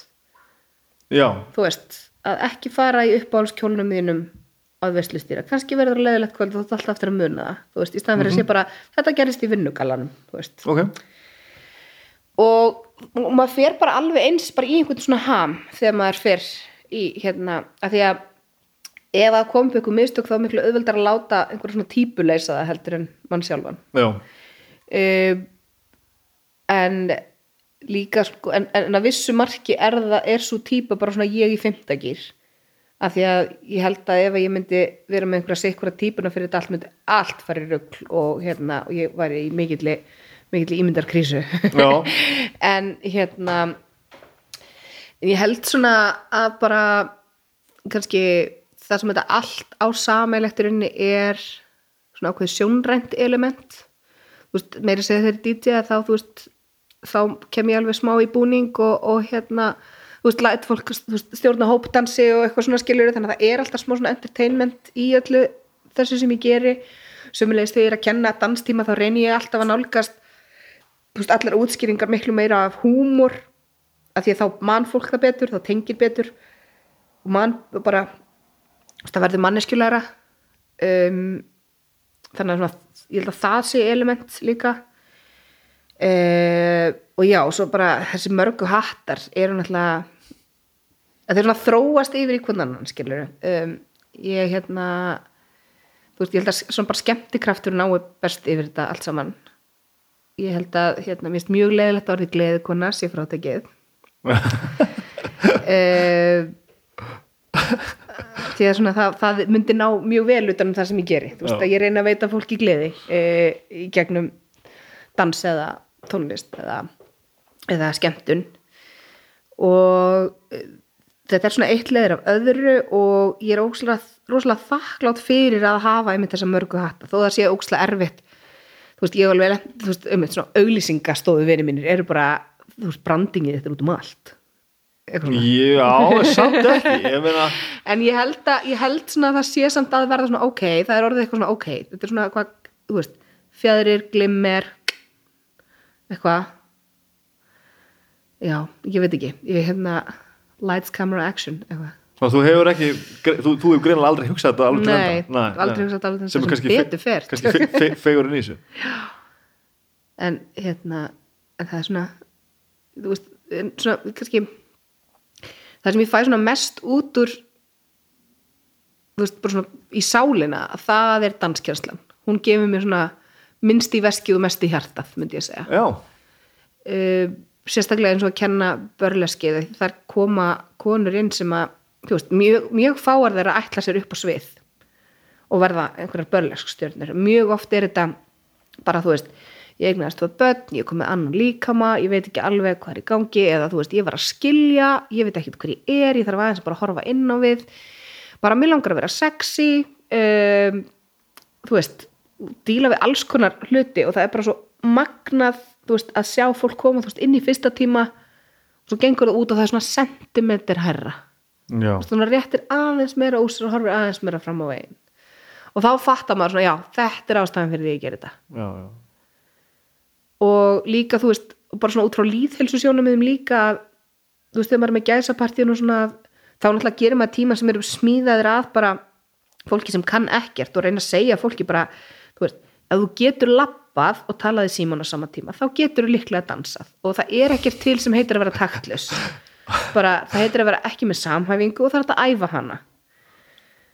Það var hérna þú veist, mjög ofta búið að segja fólk að sé taktlaust ef að hérna ef fólk er bara lent á slæmum tónlistakennara sem að gefst upp á þér, bara út taktlaus þú veist, það getur þitt bara allt annað, getur þið bara út leiðilegur þess vegna sko.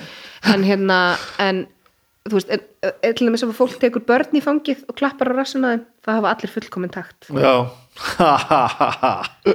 og hérna, og ef við hefðum ekki takt þá getum við ekki lært tungumál Nei. og ef við hefum ekki takt þá myndi, þú veist, við getum ekki labbað, myndum ekki vita hvenar við ættum að losa þennan fót á þess að dættum koll. Var þetta dæmi um eitthvað sem einhver ræða sem þú heldur já, já, og bara hérna, að því að þú veist, fólk kemur hérna bara ég get ekki og ég ætla ekki. En þú veist, en um leiður segir fólk bara, þú veist, þetta er ekki og, og, og líka bara minna fólk á það bara ef allir kynna dansa þá væri ekkert til sem héti dansskóli eða danskennari. Þú veist, bara, það, en það er fullt af fólki sem gerir það, sem því að það er fullt af fólki sem kann ekki að dansa.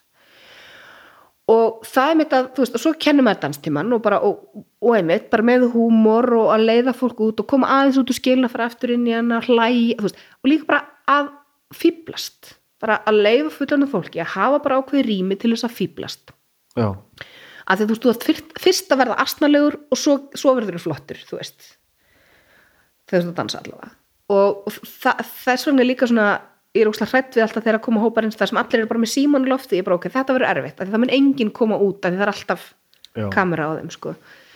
Um, en, en svo eftir þá tíma að þá kemur oft bara ég er bara óslega sve bara þetta er svo skemmtileg reyfing þú veist, að þá er kannski fólk hugsa bara reyfingu sem eitthvað svona einhverja refsingu. Þú veist, Já. í staðin fyrir að hugsa það sem sko, ég hreyfi mig að því mér þykir svo vænt um líkama minn já, já. versus ég hreyfi mig að því að ég gerði mistök. Eða ég hreyfi mig að því ég er mistök það er sömur sem hugsa það. Já. þannig að það er svona það er algjörlega það sem heldur mér tikkandi sko, það er þetta. Og ef ég bara hefði orkuna í það var ég að danskina allan daginn Já, en það er bara, bara, já, já, já, ok. var ég bara í því en það er bara, það tekur bara mikið af hérna líkamlegri getu og, og þólimæði og, og rödd auðvitað mm Mhm. ég held að mestar harsmur röddinni eftir svona langa dag ok.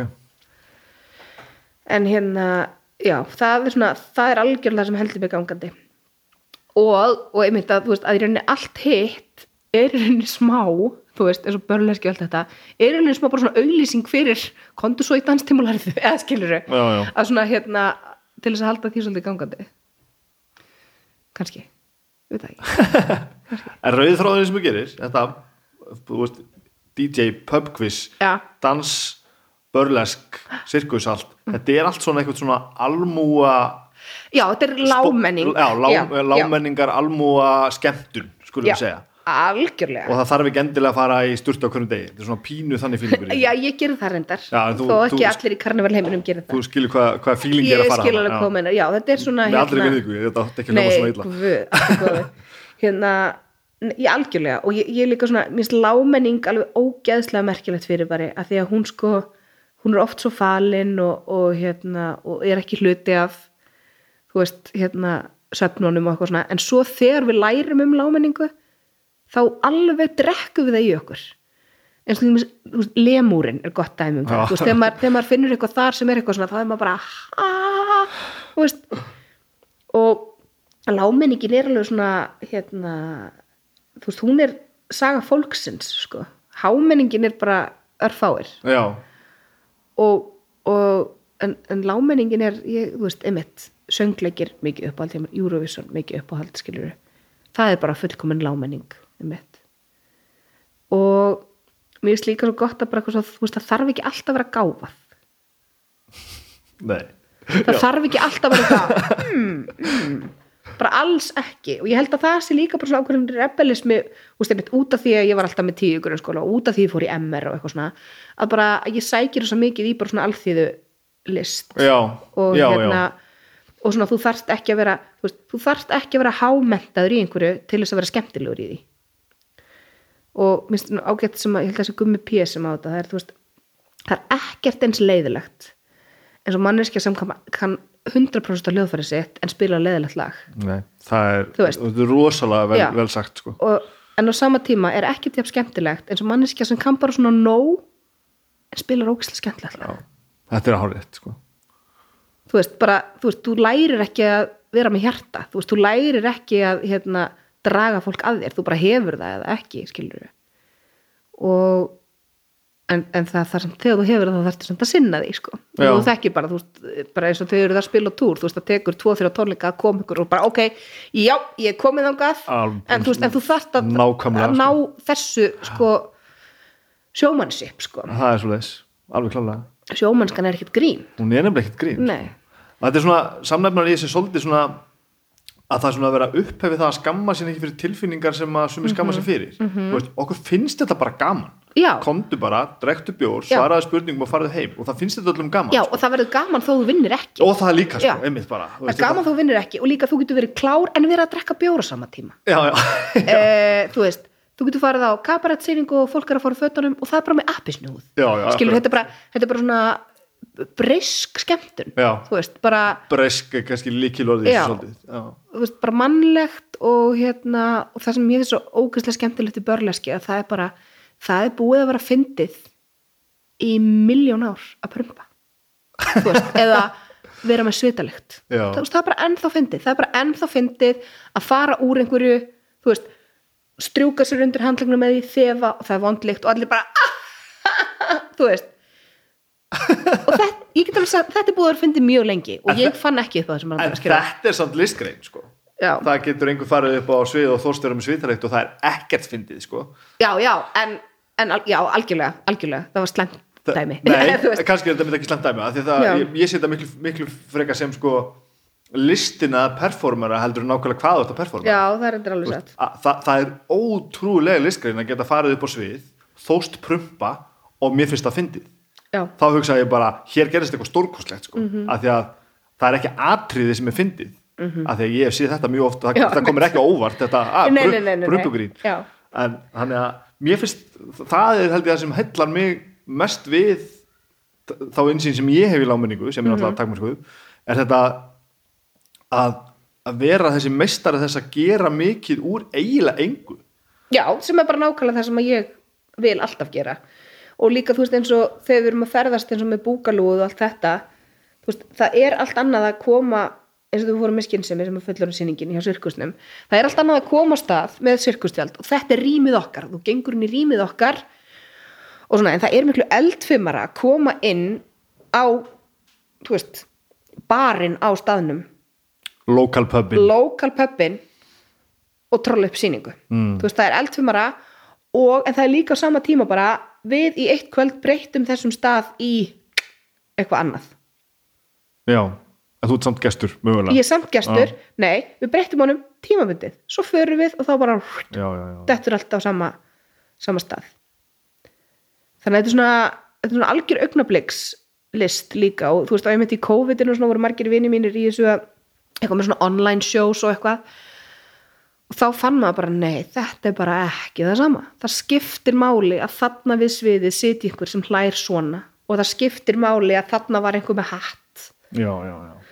og það skipti máli að þessi, kom, þessi var þarna og það var hægt að gera þetta grín og allir eitthvað, já pappi hans gerir það. Bara eitthvað, já, er það, komið á svið? Eitthvað, veist, það skipti máli þetta hérna að það er tenging og, og, og hverjir komu og svona. Það var alveg svona að ég, ég vissi að það skipti máli en ég vissi ekki að það skipti svona ógeðslega mjög máli. Já. og ég var svona beðin um eitthvað, vilt þú ekki gera atriði hérna, já, hérna slipperum stannur sem ég kem fram reglulega í New York en þá, vilt þú ekki gera atriði fyrir hérna live? Nei, hérna fyrir Instagram hérna sjóið og eitthvað, og ég var eitthvað jú, og svo hugsaði, svo var ég bara nei, mín atriði virka ekki svona. Nei, ok. Og bara við það stóðu það? Já. Já, ok, þú gerir ekkert nei, og þau bara, alltaf ekki mál, bara okkur langa bara okkur langa spyrja þig að því að þú ert í uppáldi í okkur. Nú, Og nú gengur þetta náttúrulega sumt út á svona uh, öfgafullar tilfinningar í alls konar áttir. Og náttúrulega þú veist, þetta svona daðrar við smekkleysi mjög oft já, sko. já, já, gró- ég myndi kalla það svona grótesku bara, bara grótesk Hvernig, hvernig myndir útleika orðið grótask? grótesk er bara svona hérna, afskaplega manneskjulegt en hérna, getur verið ljótt, getur verið klámfengið getur Já. verið, þú veist hold, holdlegt En, en svona með eh, í þá áttina því og líka í áttina sko bara hvernig maður hegða þessu tilfinningum og svoleiðis Mhm. Hva, hvar er einhver skýr mörk í, í svona hver er munurinn á, á þessu og, og, og klámi og hvað er munurinn á þessu og til dæmis sko uh, óafsakalegri hegðun vattaru, óafsakalegri er kannski ekki rétt orðið en þú skilur hvað, ég hvað skil er að alveg fara hvað þú meinar, já. Af því að maður sko, Sko- upplifir svo óbúrslega stert þegar það er og þegar það er ekki Já. en ég er mjög erfitt með þetta fingurinn á hver munurinn sko, er sko. máli með þetta er að hérna, þetta, þetta er kallað illegitimate theatre í New York. Og það þýðir að ef að þú kaupir miða á þessa sýningu þá ert þú búin að samþykja það að það er í lægi það sem gerist þannig á sviðinu ef að þú verður hlutasýningunni þá er það í lægi og svona, þetta er bara mjög skýrt lagalega sér um, allir artistar í þessum heimi eiga atriði og atriðin fara mislangt bara eftir orkunni í salnum og eftir hvað fólk er til í.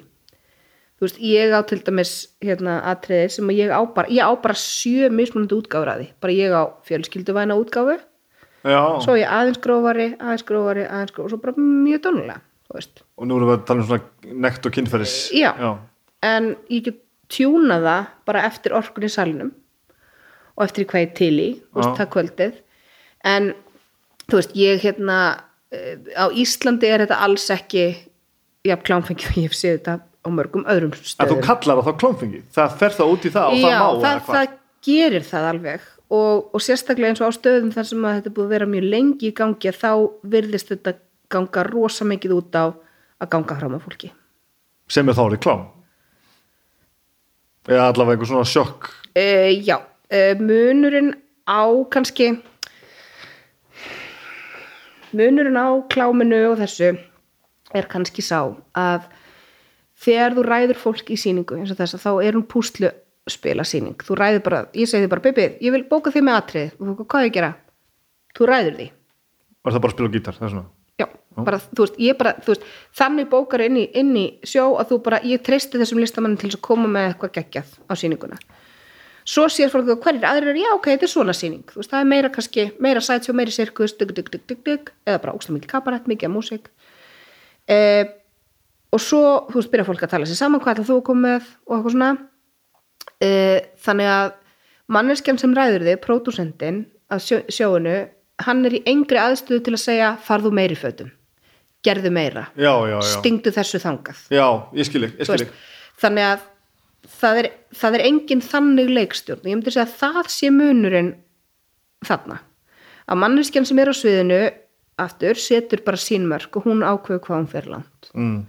Svo, en þú getur sagt það má ekki sína þetta á þessum stað. Þú sem pródusser Já, eða það er bannað að vera með eld eða eitthvað svona. En, en, en ég mun aldrei segja fólki að ganga lengra en það gerir í atriðum sínum. Veikar þetta sens fyrir þér. Já, það gerir það.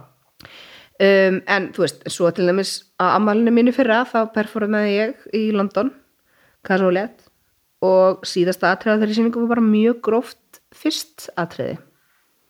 Og bara full on fyrsta trið Já, já, Ok. ég, mér fannst það mjög þærlegt og sjökkaræðist svakalega en það var alveg warning á því þú veist það var kynnt, bara þetta atrið ef þið eru viðkvæm þá mun þetta atrið ganga fram af ykkur hvort sem eru viðkvæm bara fyrir líkamlegum hlutum kynferðslegum hlutum þú veist, og bara það var alveg sagt bara og gefin tími fyrir, og það var eitthvað sem bara stóð upp og fóru bara, þú veist, að þeir treysta hóstinum skilur en, en þetta var, en Tómas var bara þetta var besta atrið sem ég sé, hann búin að segja ókslega mikið á þessu. En þetta var, þetta var mjög mjög flott atrið og mjög skemmtilega leist, þetta var svona, svona einn var puppet og hann var með hendur en hérna en, en það er veist, þetta er alveg algjört ekstrím og ég myndi aldrei ráða svona atriði á mínar sýningar. En það er samt pláss fyrir þetta. Þetta kemur mér óvart. Ég held að þetta væri einhver stað fyrir utan eitthvað. Það eru veist, á þeim stöðum þessum senundar eru stærri, þá eru bara veist, þá veistu þú veist, ef þú hefur áhuga á því að horfa á hérna börlesku kabarett og svona fullurinn sýningar þá þekkjuru landslæðið þú veist, þetta er bara svolítið eins og tónlistastefnir bara ef þú vilt hlusta rock fyrir á þennan stað ef þú vilt hlusta á búm búm þá verða á kaffibarinn skilur já, og eins og í New York þá ertu með þú veist eins og slipur sem er bara mjög þú veist, mjög experimental en líka svolítið klassi þú ert með House of Yes sem er meira svona queer oriented, svo ertu með The Box sem er basically bara þetta, fyrsta borða kúk. Uh, atrið sem ég myndi aldrei, eða veist, aldrei bóka.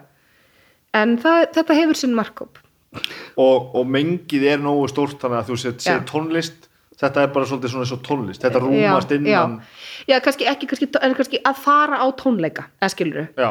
Þú veist, Þa, þannig að ég sem tónlistamæður móðgast ekki þú einhver sé að spila Eitthvað annað, nei, já, nei, þannig að þú, þú sem þessi pe- performance artist sem þú ert já. þetta rú, rúmast innan sömu listgreinarinnar Já, já. já, og, ok, ok. hérna, og, og, og svo bara þú veist uh, svo er þetta, bara snýst þetta svo mikið um að bara vera skýr uh, bara sem, sem betur fyrir interneti til og það er hægt að hérna kynna sýningar ágætlega áður en það fara af stað. Þannig að þú getur, veist, ég set alltaf á mína sýningar bara hérna, sýningin hendar ekki fólki sem óttast undur Þú veist, það er bara mjög opið en segir líka að já ok, það er hold eða Mhm. það er, þú veist, það er kannski gengið fram með einhverjum sálsöka þrjóskuldi eða ég er mjög hrifin af svona sideshow listum til dæmis, sver, sverðgleipum og Já, hefta já, hluti já. á sig og, og svo leiðis það er oft mjög skemmtilega atrið eh, en hérna en, en líka bara, þú veist við verðum líka að muna það bara á Íslandi er þú veist, það er bara skýra reglur um hvað má og hvað má ekki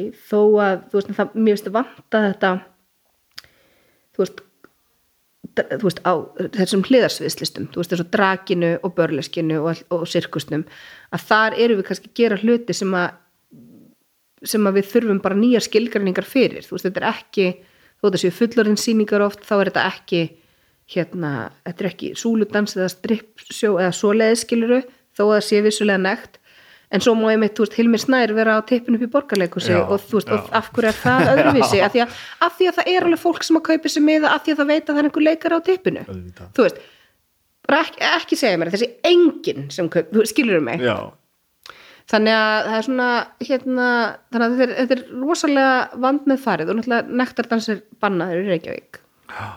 En, en svona en þetta er feminist og, og hérna og húmor og, og er og einmitt að manneskjan sem ákveður að gera þetta upp á sviði, hún, hún ákvaða.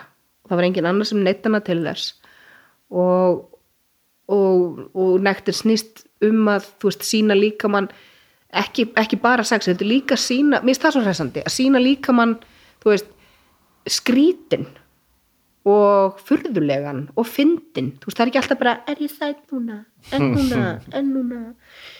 Og, og, og, og svona leika sér svolítið að honum.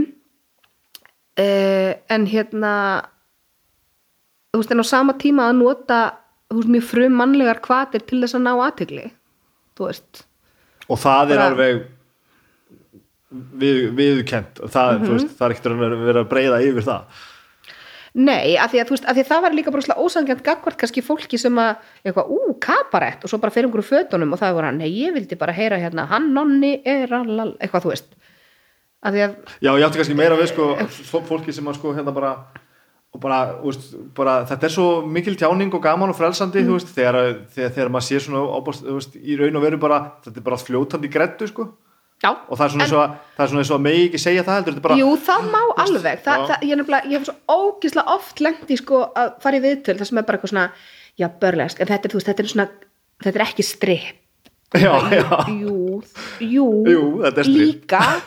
En þú veist, en þetta er svona meira klassi held, nei alls ekki. Þetta getur, eða veist bara akkur þarf maður alltaf að tala niður eitthvað annað, eða þú veist, líka. En já, þú veist, í upphafi kemur börleskið og súludansin bara frá nákvæmlega sama stað að þegar að sirkusendin voru að ferðast og það var ekki alveg búið að fá nógu mikið inn í kassan þá var öllu tjaldinu slegið niður nema einni súlu í miðunni, þaðan kemur súlan og súludansinum. Já, og það var slegið upp í börlesk, súludans og sideshow fyrir fullorðna til að fá bara aðeins meiri peninga en hald- haldið var á stað svo þegar þú veist, sirkusarnir hætta og þetta fer að vera meira varætileikus þá splittast þetta upp í súludans og börlesk þú veist, það sem að súlan er í öðru og ekki hinu. All, vá, ekki hafi ég hugmynd um þetta. Og annað skemmtilegt verð hérna að á þessum tíma og ég er nýbúin að læra þetta þess, það, þú veist, sögnin að flassa Aha. þú veist, hún, er, hún kemur bara úr þessu. Að þegar það kom þú dút dút að þá, þá reyndi fólk að taka mynd þannig að það kom flass voru í já. hérna, að fólk var að sína eitthvað. Og meðal annars var til dæmis mjög algengt að það voru kannski einhver svona pínubrókum og svo bara svona smá pjatla svona fyrir og svo, svona, svo gerði svona meðmann nikk fram og þá liftist pjatlan svona og svo varst svona smá, smá píka.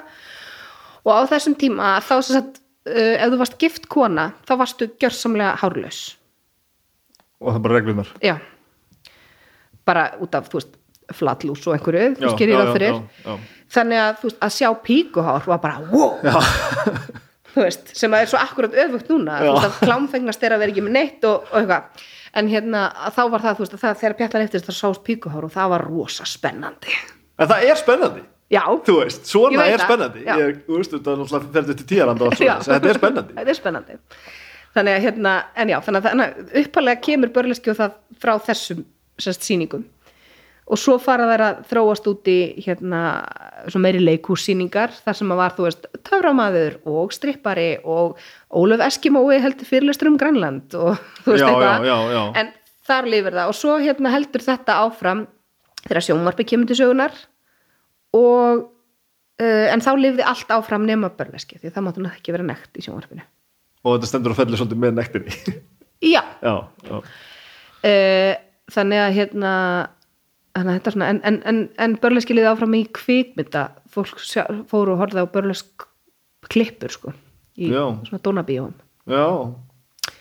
En hérna, já, já þannig að þetta er, þetta er mögnuð saga sko, einmitt og, og aftur bara að því þetta er svo mikil alþýðumenning að það var bara mjög erfitt að hérna, þetta var ekki nönn, þetta var svona þagað í hel og ekki nönn, og svona sirkuslistasöfnum er ekki talað um börleskið og leikhúsminnisöfnum er ekki talað um og borgarsögusöfnum er ekki talað um þetta og svona, og bara sem, sem betur fyrir þá eru, veist þá eru ennþá til í dag konur sem að voru að vinna með stóru stjörnunum á þessum tíma. Þannig að það er svona þannig að það er að koma núna upp þú veist að það er verið að reyna að skrifa þessa sögu ok, ok. og hérna halda henni við. Þetta lítur að hafa alltaf þá alla göttu verið huge business. Meina, já, já, já, já, og ég held veist, ég held að börlesk hafi bara verið til svo, bara eins lengi og föt hafi verið til. Já, já. Mm þú veist, að nekt hver, hefur alltaf er, verið hver, er hver, hver er skilgerningin á börlesk hvað er það? uh, þetta eru þú veist, ég myndi segja að þetta sé hérna stutt grínatriði sem falla inn í fjörlistasýningar þar sem nekt og húmor eru útgangspunktar. Þetta er grín án orða. Já, yfirleitt. Og þú veist og gríni getur, veist, gríni getur verið pólitíst eða, eða, eða hvað sem er sko. En grín, nekt og stuttur skets. Já, þetta er, þetta er eiginlega þetta er svona eh, key elements. Já, ok. Og ekki kannski, ekki nekt, bara svona svona, segja, eða svona playing with sex Já, já, og það getur verið, veist, annarkvort bara sexy eða bara, veist, kynja hlutverk eða eitthvað svo leiðis mikið af börlesk sýningum upphafi voru líka með sketsum sem voru, veist, konur sem klættu sér í karlmannsföt og voru, mm. þú veist, þú voru og svo bara, nei, ég er kona, ah, veist, eitthvað. Þannig að hérna, já. Sérðu hvað þetta er skemmtilegt? Þetta er svo skemmtilegt. og það sem er líka, þú veist, að, einmitt að upp að vera þetta einmitt út úr sirkusunum sko, þá voru þetta ofta einmitt konur sem hafði verið sirkuslistamenn og voru kannski orðnar og gamlar eða bara, þú veist, feitar eða eitthvað en þá var þetta Já. skilur. þannig að þetta er svona hérna, þetta er líka svolítið það, það allt má. það allt má og öll kyn og, og, allir kroppar og, já, það er alltaf kannski það sem er einhvern veginn fallegast í þessu. Já, mín uppáhalds, uppáhalds eða svo, já, svo margar uppáhalds en eina mínum uppáhalds þetta er Jacqueline Box. Hún er hérna með NR Downlows syndróm sem er sem sagt, hún er í hjólastól hún er strippar í hjólastól. Og það er geðveikt.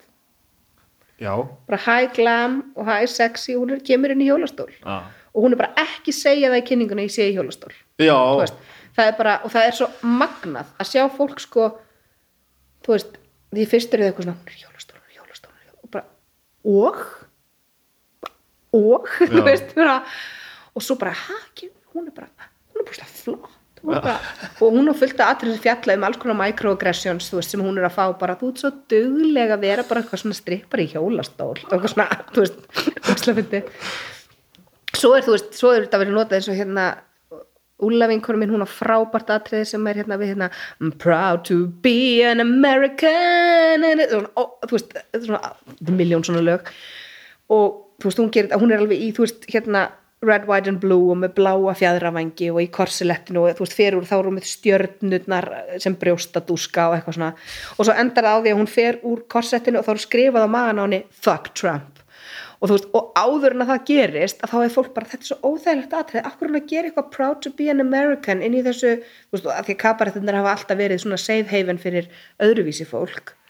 Uh, þú, veist, og, þú veist, og svo kemur þetta og þá fattar fólk grín að hún er búin að, þú veist, gera mjög óþægilegt eitthvað svona Amerika, Amerika frábær. Þú veist, í þrjára og hálfa mínútu og fólk er bara, hún er bara ennþá að gera þetta atriði, bara af hverju er hún að gera þetta atriði? Já, og sérstaklega mynd á Íslandi þá er fólk bara, þetta er skrítið, þetta er bara mjög skrítið svo kemur, þú veist, fuck Trump og þá fatt allir, þú veist, já. þannig að þetta er svona, það er einmitt líka þú veist, að kabarættinir hafa verið þú veist, og einmitt fólk sem var utangars, þú veist, fríksjóin og allt það, já. það tengist þessu líka mjög mikið og þannig að það er svona já, það, það rúmast svo ótrúlega margt en þú veist, öfgar, stóra tilfinningar Mhm. mikið svona, þú veist, sjokkaeffekt og alls konar. Það lítur einhvern veginn að fara yfir veist, ekki velsami strikið Mhm. heldur bara, þú veist, hefur aldrei orðið vitni af því að einhver stað bara fer eitthvað á böndunum eða síður upp úr eða, Já, ef það fyrir hvað böndur þá er oftast eldur eða já, en, en, en, En hérna- ekki þess að samskipti með fólks eða fólk bara fari fram úr sjálfu sér eða svoleiðis. Góð spurning. Ég hef ekki orðið vitnaði, nei það er svolítið magnað í heimi það sem að þú veist Já, það er sem þú gengur út á ganga á línunni sko. og maður svona getur ímyndað sér já. að sumi sem fara þangað sko á öllum þessu fjölda sem að, sem að performera séu kannski endilega alveg með það á hreinu Já, er nei, ég held að sjálfan fari sko? miklu frekar sko, ég held að það sé miklu algengar að fólk fari bara í burnout þú veist, Já, í já. þessum heimi heldur, heldur en það fari þangað ég held að, ég held að fari fyrst í burnout áður en þú ferði í það sko. já, en það sem er líka svo flott við þetta er að þú veist að ég er oft spurði hvað svona er ekki óksla mikið af veist drama og, og hérna backstabbing og eitthvað í þessum heimi og það bara alls, alls ekki því að baksviðshegðun skiptir svo ógisla miklu máli þegar þú ert í baksvið sem er minna en þetta borð sko og það eru 15 manns á bylinu skilur já, þannig að hérna þannig að það velst svolítið úr bara gott fólk í þetta og ef þú ert leiðileg típa þá ert ekki bókaður í næsta já, sjó já, Þannig að já. þú- þú þetta snýst alltaf svolítið um það að vera er bókaður. bókaður, já, já. og hérna og, og einmitt að, og ef að þú ert eitthvað svona og ef fólk upplýður það að þú sért eitthvað á einhvernum skrýtnum stað að þá, þá hafa allir gengið í gegnum það og það, þú, maður er gripin mjög fallega í þessum heimi. Já, og það er rosalega mikið camaraderie og, og svona sa- samkennd og samhigð og, og bræðralag. Mhm. Og systralag, myndi ég að segja. Allavega í þeim heimi sem ég kem, svo heyrir maður Já. aðra hluti eins og London senunni sem er algjör bara en ég er ekki henni Nei, en þetta lítur að vera svona þú veist þú getur þá mögulega nýtt allt sem þú gera annað í þetta en þú getur kannski mögulega ekki nýtt Mhm. Ja, allt algjörlega, úr þessu nei. í allt hitt alls ekki sko, alls ekki En ég með þú tekur með þér úr maðurdansinum og öllu saman inn í þetta því að skipta eitthvað já, uh, mjög mikið af mikið af sömu hreyfingum eru farið nú aðeins Í gegnum, hva- hvað er sem og ég, ég er búin að heyra þið tala um sko miljón tegundur af framkomum og dönsum og ég, það, það rugast allt sko. já, hvað segirðu, hvað var að byrja? Uh, ég maður fyrst þetta sem? sem bara plötusnúða á, á, á á kofanum. sko. Mhm. já, svo er þetta með pubquiz, svo er pubquiz. Svo er þetta að kenna dans. Svo er ekki dans. Alls konar dans alls konar dans. Og ég er svolítið sett í svona, ég byrjaði sem að þetta kennari í græmusinu og svo var oft svona, herðu, hérna það kom nóskum Bollywood, ég, já ég hef lært Bollywood, já ég get kent það. Uh, það kom nóskum Beyoncé dansa, já, jú, ég get sett saman svo leiðisnámskeið, bara af því ég hef svo mikið grunn úr ballettinum og, og já, því það er ballettin sem að Ballettin, kemur öllu já. saman. Já, já, já, já. og, og því þar fengum við svo rosa mikið af alls konar öðrum stílum líka kendum uh, svo er það börleskið Sirkusinn. En þú veist en eins og í sirkusnum þá sko var ég miklu meira á hliðarlínunni, kannski sem augu. Ég var að kynna sýningarnar. Uh, ég var rosa lítið í því að halda fólki eða láta halda mér eða fljú upp í loft sko. Já, já. var meira bara svona í produksjón mót þar. En svo var ég í fullorinu sýningunni mjög mikið. Og það er svona börlesk og það var mjög börlesk orientið Já. þá, já. Um, og þetta er strax svolítið svona einhvern veginn, ég næði betri yfir þetta núna. aðeins betur Já. yfir þetta núna, já. Og svo þannig einhver stærri myndlutinni var ég eitthvað svona fjölmiðla vinnu já, nákvæmlega. Og, vinst, og vinnstundum með kormóki skildi líka það er er jólastuði en, en svona eftir þú byrjar á þessu full force og núna, í framhaldi núna e, þetta er bara það sem þú gerir. Og þetta er bara það sem þú ætlar að halda fram að gera og það sem þú ætlar að gera svo þanga til já, eðlilega mér eitthvað í langar, ljós svona, mér langar svona kannski eftir svo 2-3 ára að fara inn í meiri svona verkefnastjórn uh, þú veist, eitthvað eh, listaháttíð eða eitthvað svoleiðis. Mér langar að fara eitthvað svoleiðis en svona sem að, sem að svona einhvern veginn svona aðeins- nartar í þetta samt? Já, sem er eitthvað svona listtengt og sköpunatengt og aftur þetta hérna, tengist fólki sem er að búa til eitthvað úr engu. Og hérna og svona halda utanum það og svo ertu bara allt í einu fjölskyldu? Svo er ég allt í fjölskyldu. Hvernig gerist það? viltu stellingarnar það, tjók uh, það bara ég varð ofrísk og eftir mannin minn. Já, bara svona, þú varst veginn ekki alveg svona holdgerfingu þessa svona, svona setjast einhverstað niður með mann og eignast börn og eitthvað? Nei. Nei, en jú, ég ætlaði mér alltaf að eignast börn áður en ég eignast börn nú ætlum ég bara að eignast börn en það breytist víst. Um, nei, ég sko eins og ég segi, ég kem frá rosa sterku baklandi þannig að það er alveg strax byrja núna, það er mikið verið að passa og, og svona, og líka því að þú veist, þegar ég er ekki því, mín vinna er ég er að vinna þegar fólk er í fríi, skilur alveg. þannig að það er ekki til neinn dagvistunarúræði fyrir mig til dæmis, þó, þó að ég myndi breyta danstímanum mínum þannig að það væri frá kannski 6 til 9 þá er, kannski, þá er ekki hægt að fara með batn á leikskóla á þeim tíma. Nei. og, og svo leiðist þannig að þetta er svona, þetta verður púsl. Það verður afskaplegt púsluna fyrst sko. En en, eh, en aftur á móti hef ég, hef ég góðan tíma með henni því ég er ekki að vinna. Þú varst alveg búin að sjá fyrir þér að það er þú veist, e, e, þú myndir eignast mann og börn og allt svo leiðis já, en ekki hvaða mann sem er. Nei, það er líka, alveg- ég hef alveg þú veist, alveg aðrir menn sem ég hef verið með ég hef alltaf fengið eitthvað svona já, en hérna, hvenær ætlar að hætta að gera þetta og fara bara að gera eitthvað venjulegt? Að þeir spyrir því að þú ert já, er eitthvað svona það er svona svo ógst að fyndið af því að, af því að, af því að þú veist, þessi hérna típa sem er bara svona svo mennskur hoppukastali einhvern veginn að það er típa sem að þú veist dregur þá inn og þeim finnst heillandi. Já. en svo þegar eru komnir þanga þá er, er bara, já, nei, þú ert bara alltaf að vinna alla lögata Já. og þú kemst bara aldrei í Eitthvað, nei, bara mjög sjaldan og þá verður það svona aðeins súrara heldur enn sko. Já, en nú er ég bara afskaplega góðan mann sem að er bara mjög hrifin af þessu hann hefur eignast alveg afskaplega góða vinni í gegnum til dæmis börnarsksenuna líka. Og hérna og, og, og á mikið af bara þú veist einmitt nokkri vinni mínir í New York eru til dæmis bara hluti af hans bestu vinnum í dag sko. Mm. Og en það er svona, það er alveg en hann er sjö árum yngri en ég sko. Og ég fann alveg, ég sótt alltaf í svona eldri menn og ég finn alveg rosa mun á bara uh, hvað hann er mikill jafningi minn eða upplifið sér sem jafningi minn.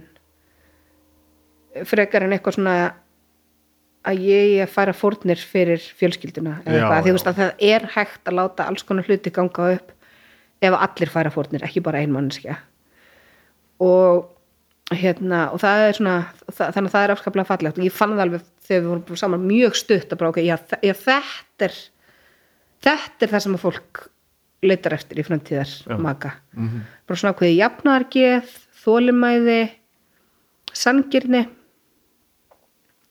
og hérna og bara svo er hann bara svo ógeðslega fyndin sko. Hann er bara svo mikill hann er svo mikill hann er svo mikið fíbl, það er svo gaman. Hann er svo, svo, alltaf til í einhvern fíblagang og ég er ekki segja þessi fíbl hann er ekki, ekki halvviti ég- hann er bara, hann er bara, þig bara vel sko.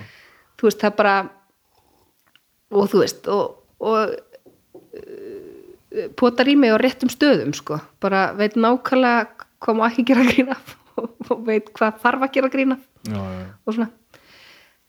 Þannig að og svo bara, svo, kann, svo var hann að vinna leikskóla í mörgar þannig að hann kann öll leikskóla lögin sem er afskaplega þægilegt og þáttum hann að gamalt bara Hvað er þetta? Eða bann? erfiðasta sem ég hef gert og ég sko, ég er að finna hún er áttamánaða núna, að verða nýjum mánaða að verða nýjum mánaða, shit hún sko hún er dásamleg hún er ógeðslega fyndin hún er rosalega orkumikil hún er ekki svona kúrari og chillari eins og ég og pappinar, þú veist, þau erum heima. Hún er bara, þú veist, alltaf því að sækja henni í persónu til mamma og pappa þá er hún, er bara, er hún, er hún alltaf svona hress? Já. bara já, hún er alltaf svona hress. En hún er ekki vondbatt, hún er bara kátt batt, mjög kátt og grínar mikið. En ég finn það núna þegar hún er orðin þetta gömul að, og ég er að koma svona aftur tilbaka hvað ég fór ógeðslega langt niður eftir fæðinguna Í þungliði? Það er já, og bara eitthvað sem að ég sko á meðan að ég stóð bara var aldrei tilbúin að horfast auðvið og bara, þú veist og einhvern veginn svona réttlætt það fyrir sjálfum mig bara já, þetta er bara eðlilegt, bara út í seratóninlæg þú veist, það er skamdegi þú er ekkert að gera þú er bara bundin hérna og ég var alveg bara, var alveg bara verður þetta alltaf svona, verður hún alltaf á gerfistinu á mér, ég mun aldrei geta gert neitt þú veist. Og svo þú veist á sama tíma þú veist svona bara ákveðið samviskupið bara ég var að eignast börn, það get ekki allir eignast börn akkur eftir ekki þakklátari? Að svo, þetta á að vera svo mikil snild þú veist og það bara var það ekki en það fyrst. Nei. það var brjóstukjöf eitthvað ókvæslega illa.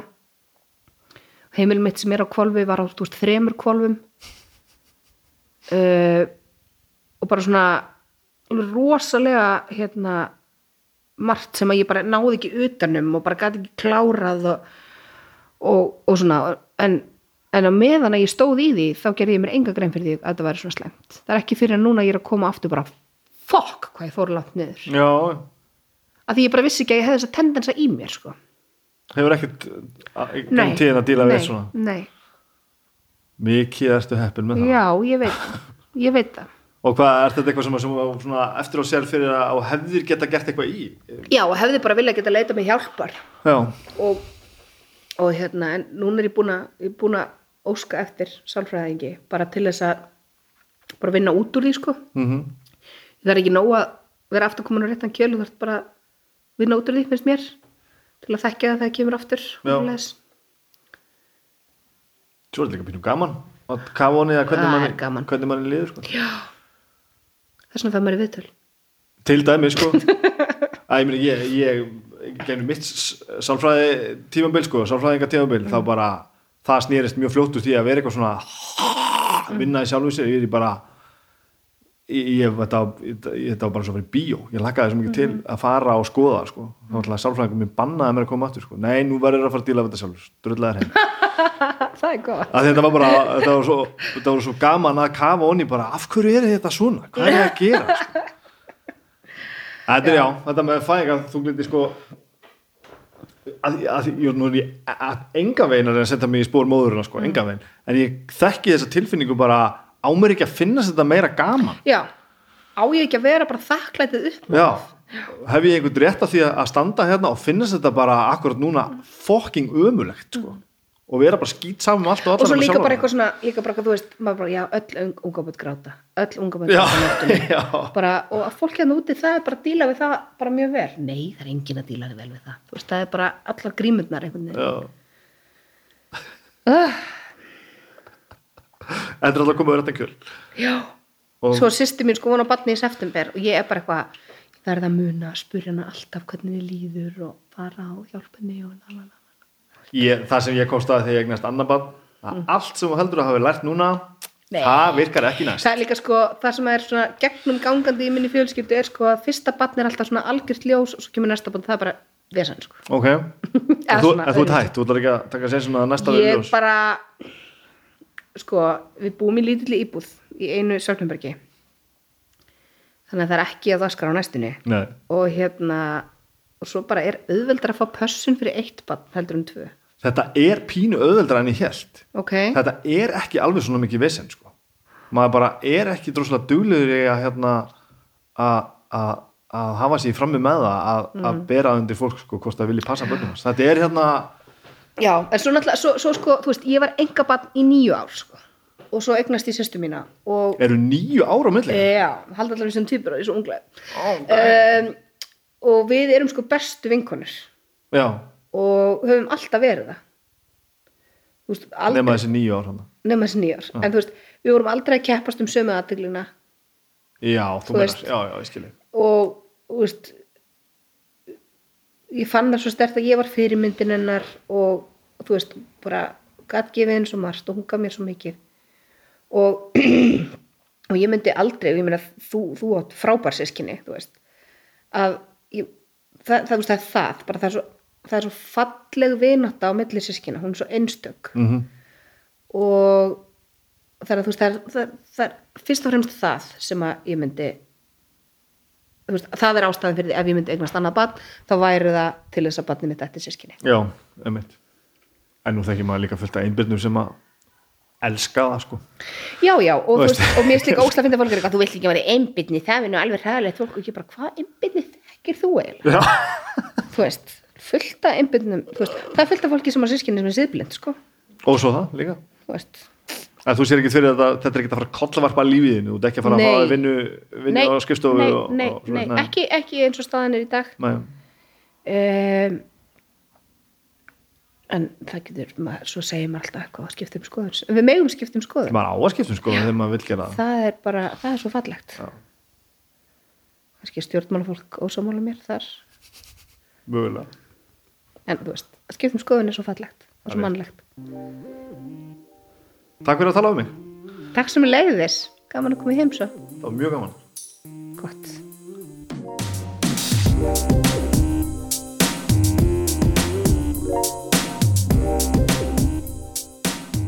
Þetta er ekki flókið þegar maður lætur þetta lítið svona út þegar maður segir hlutina bara alltaf beint út og bara djöfull sem hún veit hvað hún er að segja. Þetta er svo snildalegt og allt þetta einhvern veginn bara eitt leiðir að öðru og þú bara ert allt í einu einhver staðar og, og tekur því sem kemur og, og, og ert ekki að ofugsa allt. Ég mynd sá á henni því ég var að reyna að tala um þetta hérna, hvernig, hún, hvernig hún flokkaði þetta niður. Eh, hún hugsa hlutin ekkert svona. Hún mæti bara sem hún sjálf og gerir bara það sem hún vil gera og er ekkert að pæli því já, nú er ég þessi eða nú er ég þessi. Það var eitt sem að ég við töluðum saman um eftir að við skrúðum nýri hljóðneimunum og ég hérna lofaði henni og ekki síst sjálfu mér að, að nefna uh, þegar hún fór að tala um, um fæðinga þunglindið þessu skaut upp í höfuð, höfuð á mér og meðan hún tala saman. Ég bara var, náði ekki að móta þetta í höfun á mér þannig að ég talaði ekki, ekki við hana um þetta fyrir en eftir á. Uh, og það er fæðinga eftir, eftir bát, hvað var ég að segja? Uh, eftir fæðingar vanlíðan feðrana, kallmannana uh, ég tengdi við svo margt sem hún var að segja vegna þess að nú er ég tvö börn og, og ég hef alveg upplifað svolítið þessum tilfinningu sem hún er að, er að tala um. Að líða ekki alveg full vel með það að eiga eða, og jáfnvel ekkert nýbönn stundum bara, þetta grípum við stundum ennþá. Og finna hvernig maður, maður, maður, finnst maður að vera svona vanþaklátur fyrir það að, vera ekki ánaður, fullkomlega ánaður þetta vext með stundum óli í augum og stundum bara líður mér sem ég langi bara anskotan ekkert að eiga þessi bönn en svo þetta náttúrulega ristir það ekki það djúft að þetta veri stórkostlegt vandamál En ég fór bara reynilega velta fyrir mér og við rættum um það bara mögulegt fæðingar þunglindi karla. Ég er ekki, auðvitað ekki stöðu og ætla ekki að fara að reyna að, hérna, líka þessu saman. Það er ekki eins og við fyrir mig gegnum, gegnum þessar sömu aðgerið með fæðingu og, og, og allt, allt það saman og öll þessi hormonabreiting og allt sem þetta verður sem ég kann ekki einu svona nefna og þó er ekki einu svona díu að tanni í. Að það breytir ég ekki, það breytist rosalega margt þegar við verðum feður og, og og ég nefndi þetta og þá mitt sagði hún þegar hún hafði svo verið hún fór í einhverja greiningu og mældist þarna heiminn hátt á og fæðingar þunglindi skala að þá var maðurinn hennar aldrei eins og spurður hún var tekin í eitthvað óskaplegt hérna, óskaplegt ferlið það sem var, var, var, var aðtúað allt sem hættur að aðtúa en hann stóði þetta með hliðinu og fekk ekki eins og spurningarna hvort allt var í lagi uh, ég er ekki að segja að ég hef átti stórkoslegt vandamál að stríða en, en ég viðkenni það samt að hérna að það gæti mögulega verið að þetta hefði orðið mér auðveldur að ef einhver hefði bara snúið sér að mér einhver tíman, einhver sérfræðingur og spurt bara hérna, er allt í lægi með þig? Og ég hef getið sagt, nei, veistu, ég hérna, mér líður svona, svona, svona og ég hef kannski fengið einhver svör við því. Og þú veist, kannski ekki og kannski bara, hérna, er, er þetta í gangi og ég bara veit ekki að því, en ég bara, uh, ég lofaði sjálfur mér og henni að, að ég skildi nefna þetta eftir, eftir viðtali og, og það er það komið þingað. Og ég gaman að heyra ef að, hérna, þetta er kannski mögulega eitthvað, eitthvað viðkamt issue, ég átt að mikið á því. Gaman að heyra að einhverjir, einhverjir aðrir að núti tengja við það sem ég er að segja. Allavega, þetta var frábært. Og nú tekum við hjá mér er það að fara með törskuna góðu, mikrofónuna og allt saman og pakka því bort í bíl og ég ætla að á date hérna á morgun taka viðtala á Akureyri þannig að ég ætla að svo rúndinn og finna fólk og tala við það. Og svo sé ég aðeins til hvað ég nenni að sjá að mikla sumafríðinu í að, í að, í að brúa bili en ég allavega það verða vikuli viðtölu og ekkert kæftæði með það. Þetta var gott. Mikið var þetta gott. Glæsilegt, takk fyrir að lusta, tanga til, bye